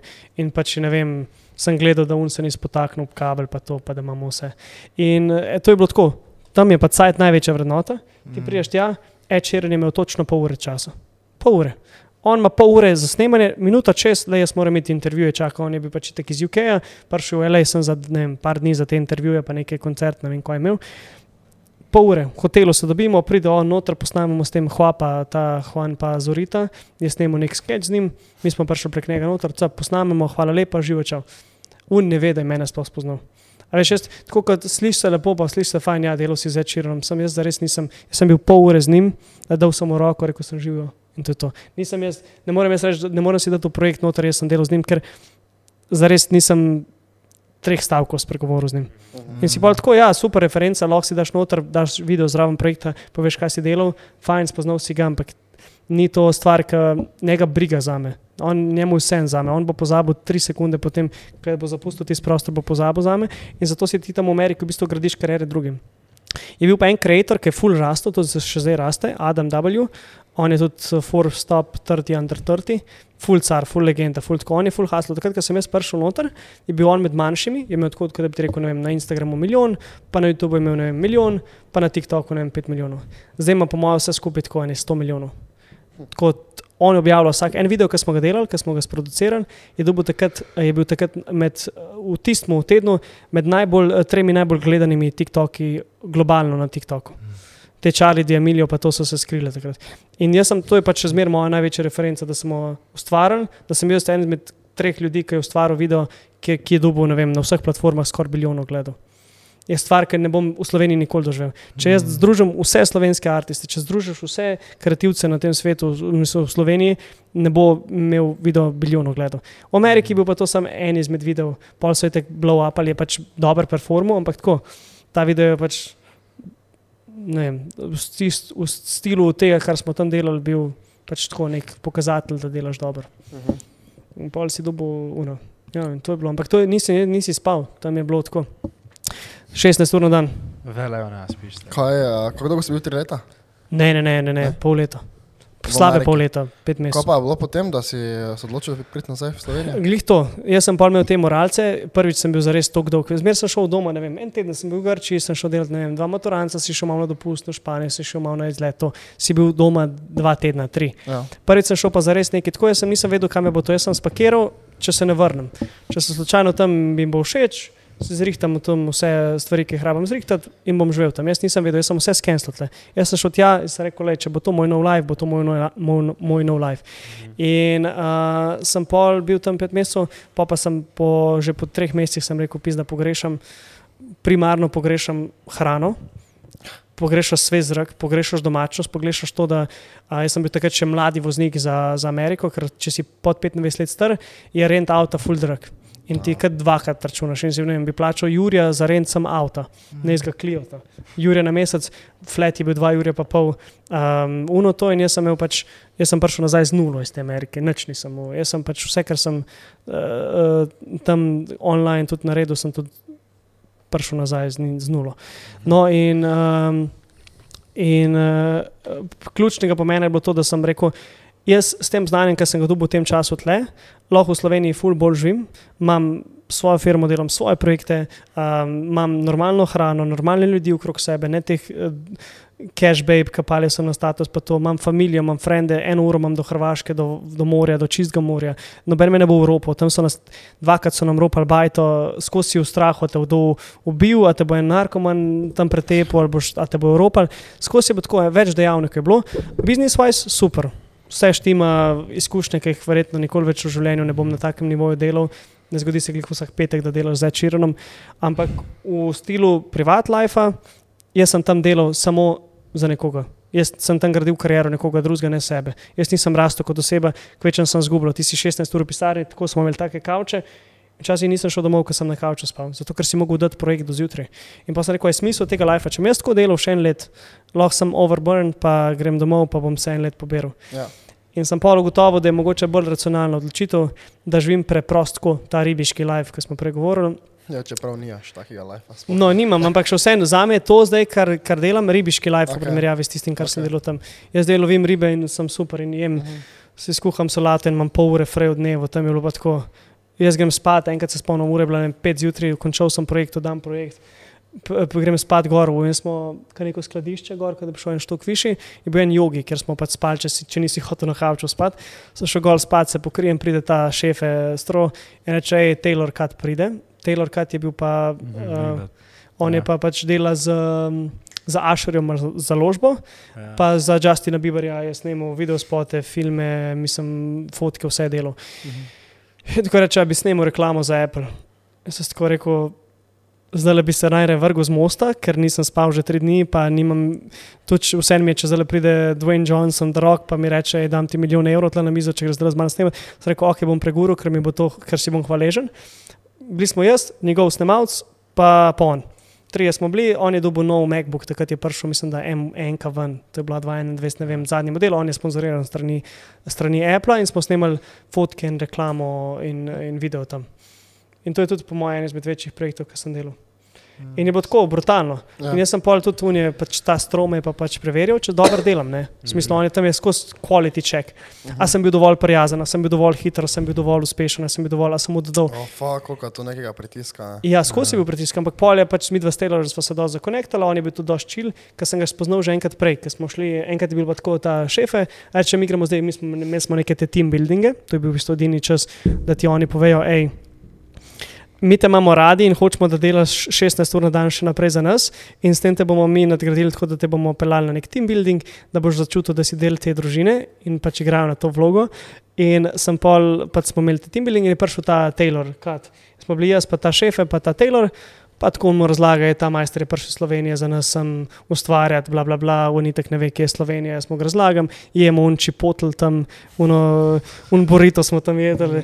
In tako casually on razlaga, kako bo zdaj z Asherjem imajo nek projekt, ki ne vem, bojo vključili tega pa tega, pa grejo vem, na turnejo tam pa tam. Veš, oni so imeli nek čit-čet tok tam, kako bo šli Asher na turnejo, jaz sem pa tam jedel un čipotl, pa sem razmišljal, am zdaj dal 14 evrov za to hrano, am dal 13 evrov ali Mhm. Až tako ne nismo bili on the same page, kar se tiče, kar so oni že dosegli v life, pa kar sem jaz jim lahko ponudil. No, ampak vidiš, na koncu, če potegnemo črto, je doma še vseeno najlepše. Ne? Ja, Ja. ampak tega nisem znal ceniti. Prej sem bil skozi v smislu, ja, pa Slovenija, pa se je kul, cool, ampak skozi je bila to ta cona obdobja.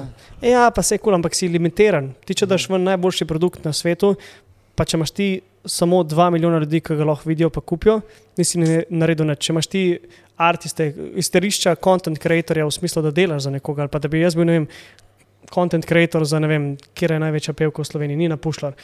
Ti ne moreš nje pripeljati do tega, da bo ona imela milijon sledilcev, ker ni toliko folka.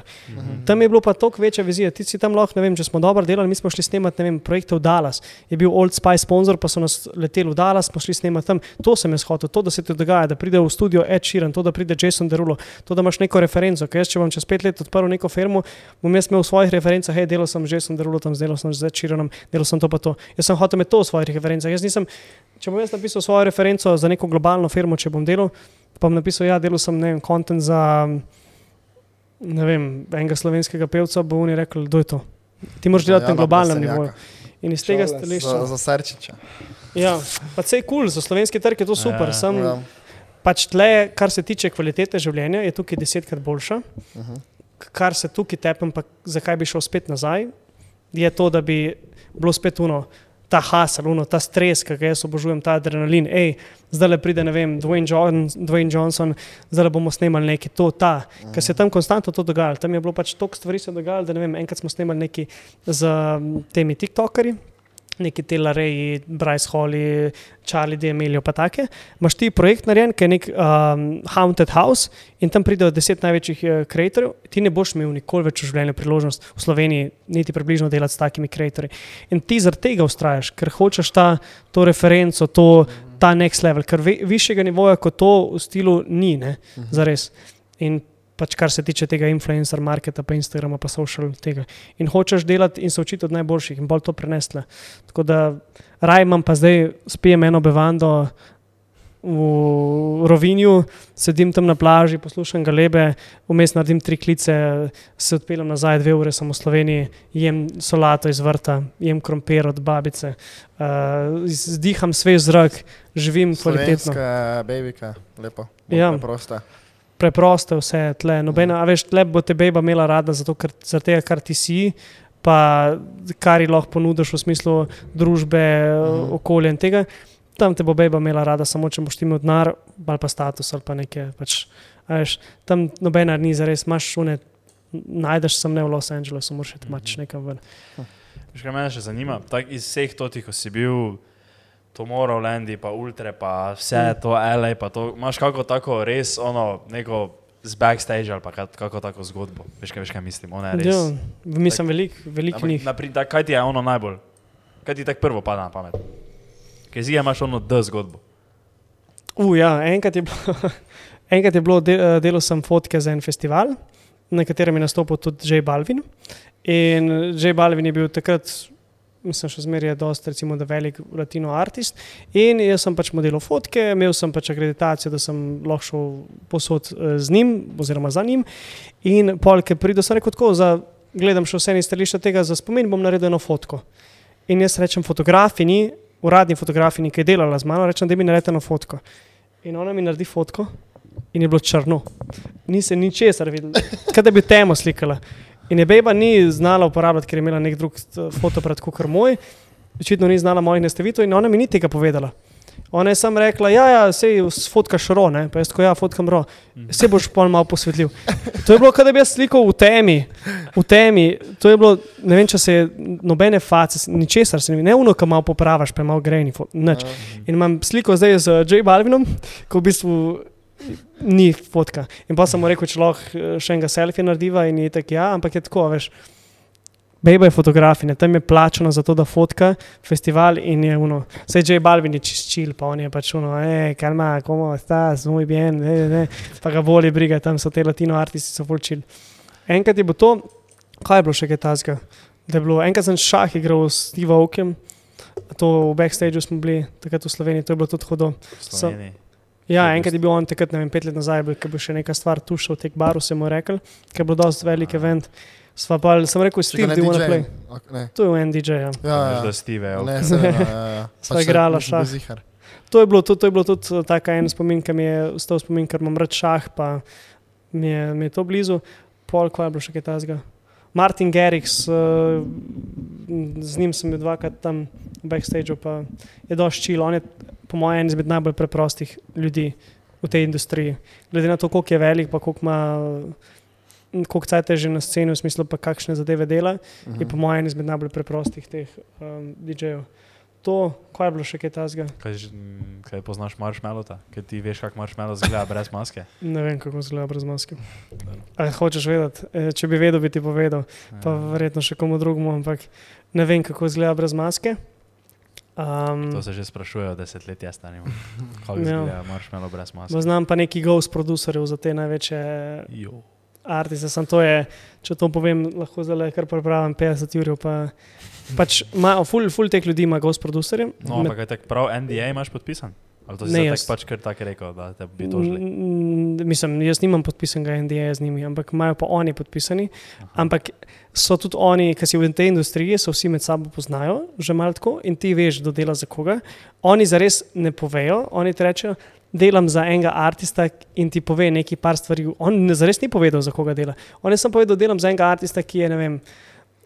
Pred kratkim je zdal en hit, ki je bil full banger in pač ta banger ima ne vem, nek latino sam noter. In točno veš, ker niti on povedal, za koga dela, ampak pač ti vrtaš v neki točki in veš, kdo za koga dela. In mm, pač ne, ne moram nič povedati, ampak pač ne vem za vse, vem za tri. Za tri ghost producerje vem. Tak, Za tri ghost producerje ti veš, ki producirajo glasbo, Za top 25 uh, uni. artiste na svetu. Ja. Ja, poznam tudi uh, producerje, ki producirajo za uh, top 5 ali med top 7 zdaj. za- no. Zakaj pa se to ne bi smelo vedeti, se pa te, veš, veš kaj mislim? Če ti vsi samo malo potiham, vsi, je zato, ker ti gledi za tega, ga pra, ti ga plačaš, da je on tih. A veš, ti prodajaš, naprimer, nek DJ prodaja, jaz sem full dober producent, moja glasba je Aha, dobra ja, in to. No, no to sem veš, Ja. ja. če si ti pevec, vse seveda ti imaš producenta. Veš, te, te A ja, ne, ne, ti si ti kot misliš kot DJ. DJ, DJ, ne, Aha, ne, okej, ne, ne, ja, ne, ja, te ja. pevce imajo vsi te producente, pa tudi Ja, itak, za pevce ja. moraš napisati, kdo napiše Mhm. liriks. pa to. Za ghost producerje ne, tle v tem svetu je taka, taka, taka zadeva, da pač vsi potiham vejo, kdo je, pa zakaj je, pa vsi vejo, kdo ima ghost producerje, pa kdo nima. Arvin Van Buren dela sam, ne vem, neki Gerix se dela tudi sam, ima pač neko pomoč, ampak ima tudi Gerix dva, dva tipa, ki mu delata pač komade. Uh -huh. Pa neke stvari so znane javno, tisti, ki so v DJ svetu, bojo vedeli, kdo pa kaj, pa zakaj. Ampak imaš pa nekaj, ki pa še zmeraj trdijo, da oni delajo sami, ampak ve ta industrija, da pač ne delajo sami, da dela nekdo drug za njih. Še tako se pogovarjal z uh, nekim ghost producerom, pa mu je rekel, en naun ti povedal, samo delam za enega, ko se začne kaj, pol pa veš, pa nosi masko. A pa veš tak. Ja. Ja. Ne, ne, ne, ne povejo tako direkt. A, ja. On, ti sem, ti sem, prideš, ne vem, ker ti si včasih v kontaktu z zadnji in malo opazuješ ljudi, pa pač te menedžerji so tudi tako, da ko so pijani, znajo kaj povedati. Ampak noben ti ne bo nikoli direkt rekel, jaz delam za tega, noben se ne sme niti hvaliti s tem, niti povedati karkoli o tem, zato ker oni plačajo kazen in če se to zveje tako. Ampak ti pol malo narediš research, pa se pogovarjaš s temi producerji, ki so noter in the game, pa ga tako malo kot frenda pravi. Ampak jaz tudi, jaz, kadarkoli me bodo vprašali, jaz nikoli ne bom povedal tega. Tudi on, tle sta več levelov secur- security. Je. On je ta ghost producer, ki je povedal temu človeku, ki ga jaz poznam. Mhm. Zares mu ni povedal, ker mi je povedal tako, hej, delam zdaj na enem projektu. Pa a mi lahko pošlješ, ne vem, raba malo latino vibe in mu on pošlje, ne vem, nek sample, nečesa, nek bit, nekaj uno, to, ki ga mogoče noben drug nima, nekaj te mu pošle.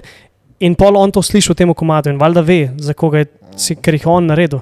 In oni si tudi med sabo pomagajo. Un producer naredi 99 ali pa 95% komada, pa mu un outsourca, ne vem, en bit, ki mu je mogoče bil všeč, ali pa nek tam nek spice, ki ga mogoče nikjer drugje ni dubu. In pol on ve, ker je to slišal v tem komadu. In pol on pove naprej, hej, sem tako, ampak to, je pač, to so pogovori, pol, ki se ob treh zjutraj pogovarjaš v kafani. Pa, Si Ja. tako. Ampak jaz, če jaz karkoli povem, mislim, če on karkoli pove, zajebe sebe v tem prvem primeru, kot ne bo nikoli več s tem človekom delal. Mm. Nikoli več. Tako da so tudi ful previdni. Ampak je pa tudi, če pogooglaš neke zadeve, so že dosti javno dostopne, um, da ma, kjer imajo ghost producerje. Enih parih je še malo skritih. Ampak Sej tudi uh, pri, za najem pisanje knjig pisatelji, pisateljice imajo isto tak, ne. Za J.K. Rowling se govori, da kao naj ne bi uh, Ja. vsega sama napisala. pa Za to, ne. Shakespeare. moraš. Shakespeare ima ghostwritera, on pa, on pa Drake, veš. Samo moraš razumeti, da ti prodajaš v tem svetu, kjer živimo, ti prodajaš artista, ti prodajaš, ti prodajaš eh, community, ti prodajaš vem, uh, ime, ti prodajaš v prvem primeru je tle sem denar. Vsi hočejo čim več zaslužiti in menedžer hoče čim več zaslužiti, Uh -huh. zato ker več, večje, kar si ti ime, več ljudi bo prišel, več denarja lahko ti računaš in tle se gre sem za denar. Ta industrija. Ja, se je passion, pa je zadnji ljubezen do glasbe od teh DJ-jev, ampak je pa toliko enih stvari, ki niso izrečene, je toliko enih prešerjev zadnji, kako moraš deliverati, kako moraš deliverati, kaj moraš vrteti, kaj ljudje hočejo, kako se moraš obnašati, s kom se moraš družiti. Toliko enih nenapisanih pravil, ki se jih te svetovno znani, vse tako kot pri celebritih. Justin Bieber ne more iti kar ven pa reči vse, kar hoče, zato ker bi bil cancelan. In isto je pri teh DJ-jih. Oni morajo biti previdni, paziti in pač igrajo to, da, zato ker ti, ne vem, boš imel te fene, kot vidiš na Tomorrowlandu, ki Ko mi čaka, celo življenje so čakali, da bodo šov Martina Gerrixa videli v živo in oni so die hard fan in imajo mrč, imajo uno. In če bi nekdo zvedel, da ima Martin Gerrix ghost producer, bi bilo tako. V bistvu jaz sploh nimam rad Martina, ampak imam rad nekoga drugega. In te se teži pol poistovetiš s tem, zato to pač to skrivaj. Ampak nekateri artisti so taki, da rečejo, v neki sodelovanju z nekom sem naredil en komat, pa kao prizna, da je en komat naredil z nekom, a v bistvu je vse komade mu naredil. Ampak on je pa rekel, le javno, ja, zdaj delam ta projekt s tem pa tem producentom, ki je v bistvu tudi njegov gost producent. Ampak jo, niso to neke ful take hude tajne, ampak ja, ne smejo jih pa uradno povedati. Zanimivo, ne? Koka? No. Po moje, še kaj bi še en moment, po moje prvi, prvič, ko sem v živo videl, jaz sem bil takrat full fan uh, Post Malona Uh -huh. in sem prvič imel dostop da dejansko do tega, da ga lahko fotkam od, ne, vem, na meter, dva razlike. In takrat sem pol začel ugotavljati, da je to te festivalske fotografije, pa to je v bistvu nekaj, kar me najbolj veseli. Uh -huh. Kar je tako. Pol Malona si slikal, lahko, Hm. stari. Adijo. Ja. Ker jaz dosti koncertov tudi slikam, ne? Ja. Uh, to nam bilo fukeno. Adijo. ne. Vse ti bom povedal nekaj par cak, kaj moraš biti pozoren, pa kako pride do tega. Aha. Ampak na koncu je, zdaj sem zadnji tri, ki sem jih delal, so bili uh, Bieber, pa, pa lani, ampak to je bil samo en dan. Fuck. Kaj Pa- si slikal Evo Boto? Ne. Še, one, ne, ne pa še ne. Ona je pa previsoka za me. Dejansko. Škoda je visoka. No, res je, ima tako dva metra velika. No, dva metra ni to, to bo kregala. Ja, pretiravam. Ampak je pa, je pa ful visoka, ful više od mene. Tako da, če boš raba, ti povem z veseljem par teh nasvetov, Ja, kako voljda. sploh pride do teh festivalov, kako, kaj moraš, na kaj moraš biti pozoren, Mhm. na koga se moraš obračati, do ti lahko odpre kašna vrata, pa kaj moraš deliverati pol na koncu, Mhm. da dobiš še jobo. Ampak jaz zdaj, če bi lahko zbiral, bi delal samo športne evente, neke te formule avte, pa, pa, pa koncerte, artiste. Zdaj imam še ful neobjavljenih fotkov te Billie Eilish. To mi je. Kje si slikal Na bili? Na zigetu. Uh -huh. Nekaj crkveno. Je crkveno. Po mojem. Uh, se me se zanima. Uf. Da je prižiga nazaj gor. Ah, off on narej. Zdaj pa. Prazna samo, baterija. ne, ne, ne, samo zapali ga. Zapali ga spet. Nisi dal recording, veš, zato. Ja, rekordal. Ja, se kaj pregreva? To ti se ne ja, pregreva. Ja, to pa bi bilo. Ja, te pa moramo zaključiti, čeprav je čist prazen. Te imamo 64 giga, zdaj to. Ne, ni šans, da te stava. Imamo 64 gigabajtov. Nisem reformatiral, pa nisem mogoče, ja te pa imam mogoče malo manj placa gorja. Bombar, stari. Bombar. Ja, mogo biti par dva. pa sem spet dve leti. Ne, se sem zbrisal. Čez dve leti postajamo par dva. uh, ja, kaj? Stari, ti stavbi se še lahko menili, ja. po mojem pol Pol ure. Še 15 minut. Ne, ne, ne, ne. 22 pol, pol ure stalo. 25 minut, ne. Ja, se reče pol dneva, pa ok, pol ure, ja. Ne, ker ja. veš tako vedno, ko si razlago, veš ti rekel, ja, pa smisel v Ameriki, pa smo se nekaj čist druga menili, sem te že mislil ja. vrati, zakaj si bil v Ameriki, pa kdo si bil tam, ne. Pa si nekaj drugo zgodilo pravil v radio, sem te spet mislil, najglavne, ful se ve, da si vse posod, da delaš vse posod, da delaš ful nasploh, tako da, ej, bomba, no. Hvala ti, da si si čas za. Res je, ja, res. Ja. Ja, hvala za vabilo.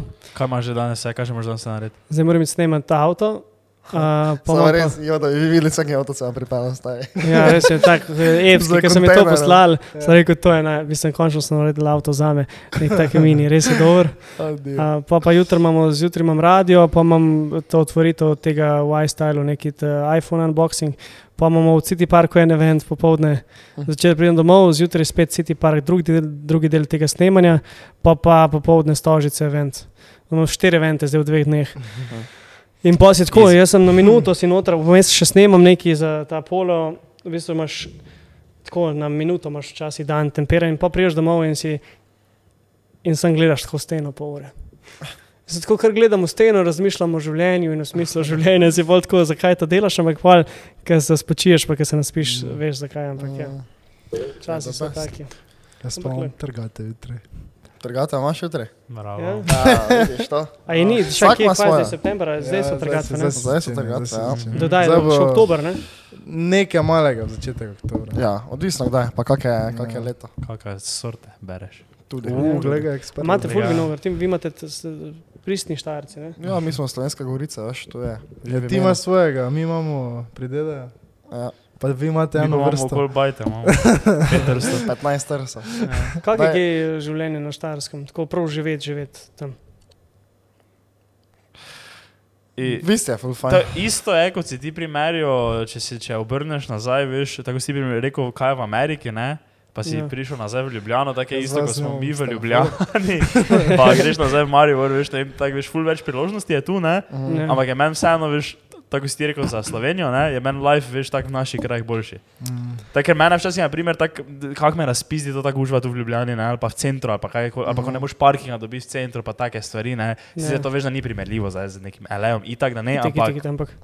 Štekam, Ja, ja, ja. pač ta pristnost, domačost, Ja, ja, pa mogoče so ja. tudi vi malo bolj sproščeni, ker tle se mi zdi, da se življenje so še malo hitreje odvija, kot pri vas. Ne? Mhm. Vi ste pa tam bolj dej, vse se bo enega spila, pa pol rešila problem. Ne? Ja, Ja, ja. se to pa- Odvisno, ja. samo se tako veš, odvisno na koncu, kaki, kaki imaš lifestyle, pa to vse skupne. Se lahko tudi pri nas ful napeto živiš, če tako gledaš. Ne? Ja, itak. Ja. Odvisno pač, ja. Ampak ja, v povprečju pa bi rekel, da valjda, ja. Iz, bolj ko greš izven mesta, ko greš na neke take kraje, kot so Voličina, recimo, ne? če veš, kje je Voličina. No, se mi je zdelo. Veš, tam je pač bolj tak, ne. Voličina. Počasi pa bo že. Znam uh, vse tam, Lenart je pa spodnje dupleke, zgornje dupleke. Ja, to vidiš. Lenart reprezent, mi smo z Lenartom. Jaz pa sem z Voličina. Voličan pa je tak pet minut z Lenartom, veš, ne za tako rekel, da je čist drugega kraja. Pesnica ali pernica, kaj je že tam. Ja, Ja, Ja, to je to oboje. je. Oboje je. Mhm. Mhm. Ah, Imaš kaj češ. so. Ja, nič, Ja, nič. še. ne moti več. Časa. Hvala za vabilo. Poslušali to ti hakl. Uh, podcast. Brez filtra podcast. Tebe tako ne snema, tako da A ja. lepa, da ste poslušali, pa se vidimo naslednji teden. Ajde. Se Ajde. vidimo naslednji teden. Servus, servus. Danes bo čaka na pune bombe. Ej, hvala, da ste poslušali to epizodo. Če vam je bila všeč, prosim ocenite na Apple podcast. Bi full cenili. Video posnetek te epizode lahko najdete na našem YouTube kanalu Podcast brez filtra. Dajte nam slediti na vseh naših internetih in se vidimo na naslednji epizodi. Čau!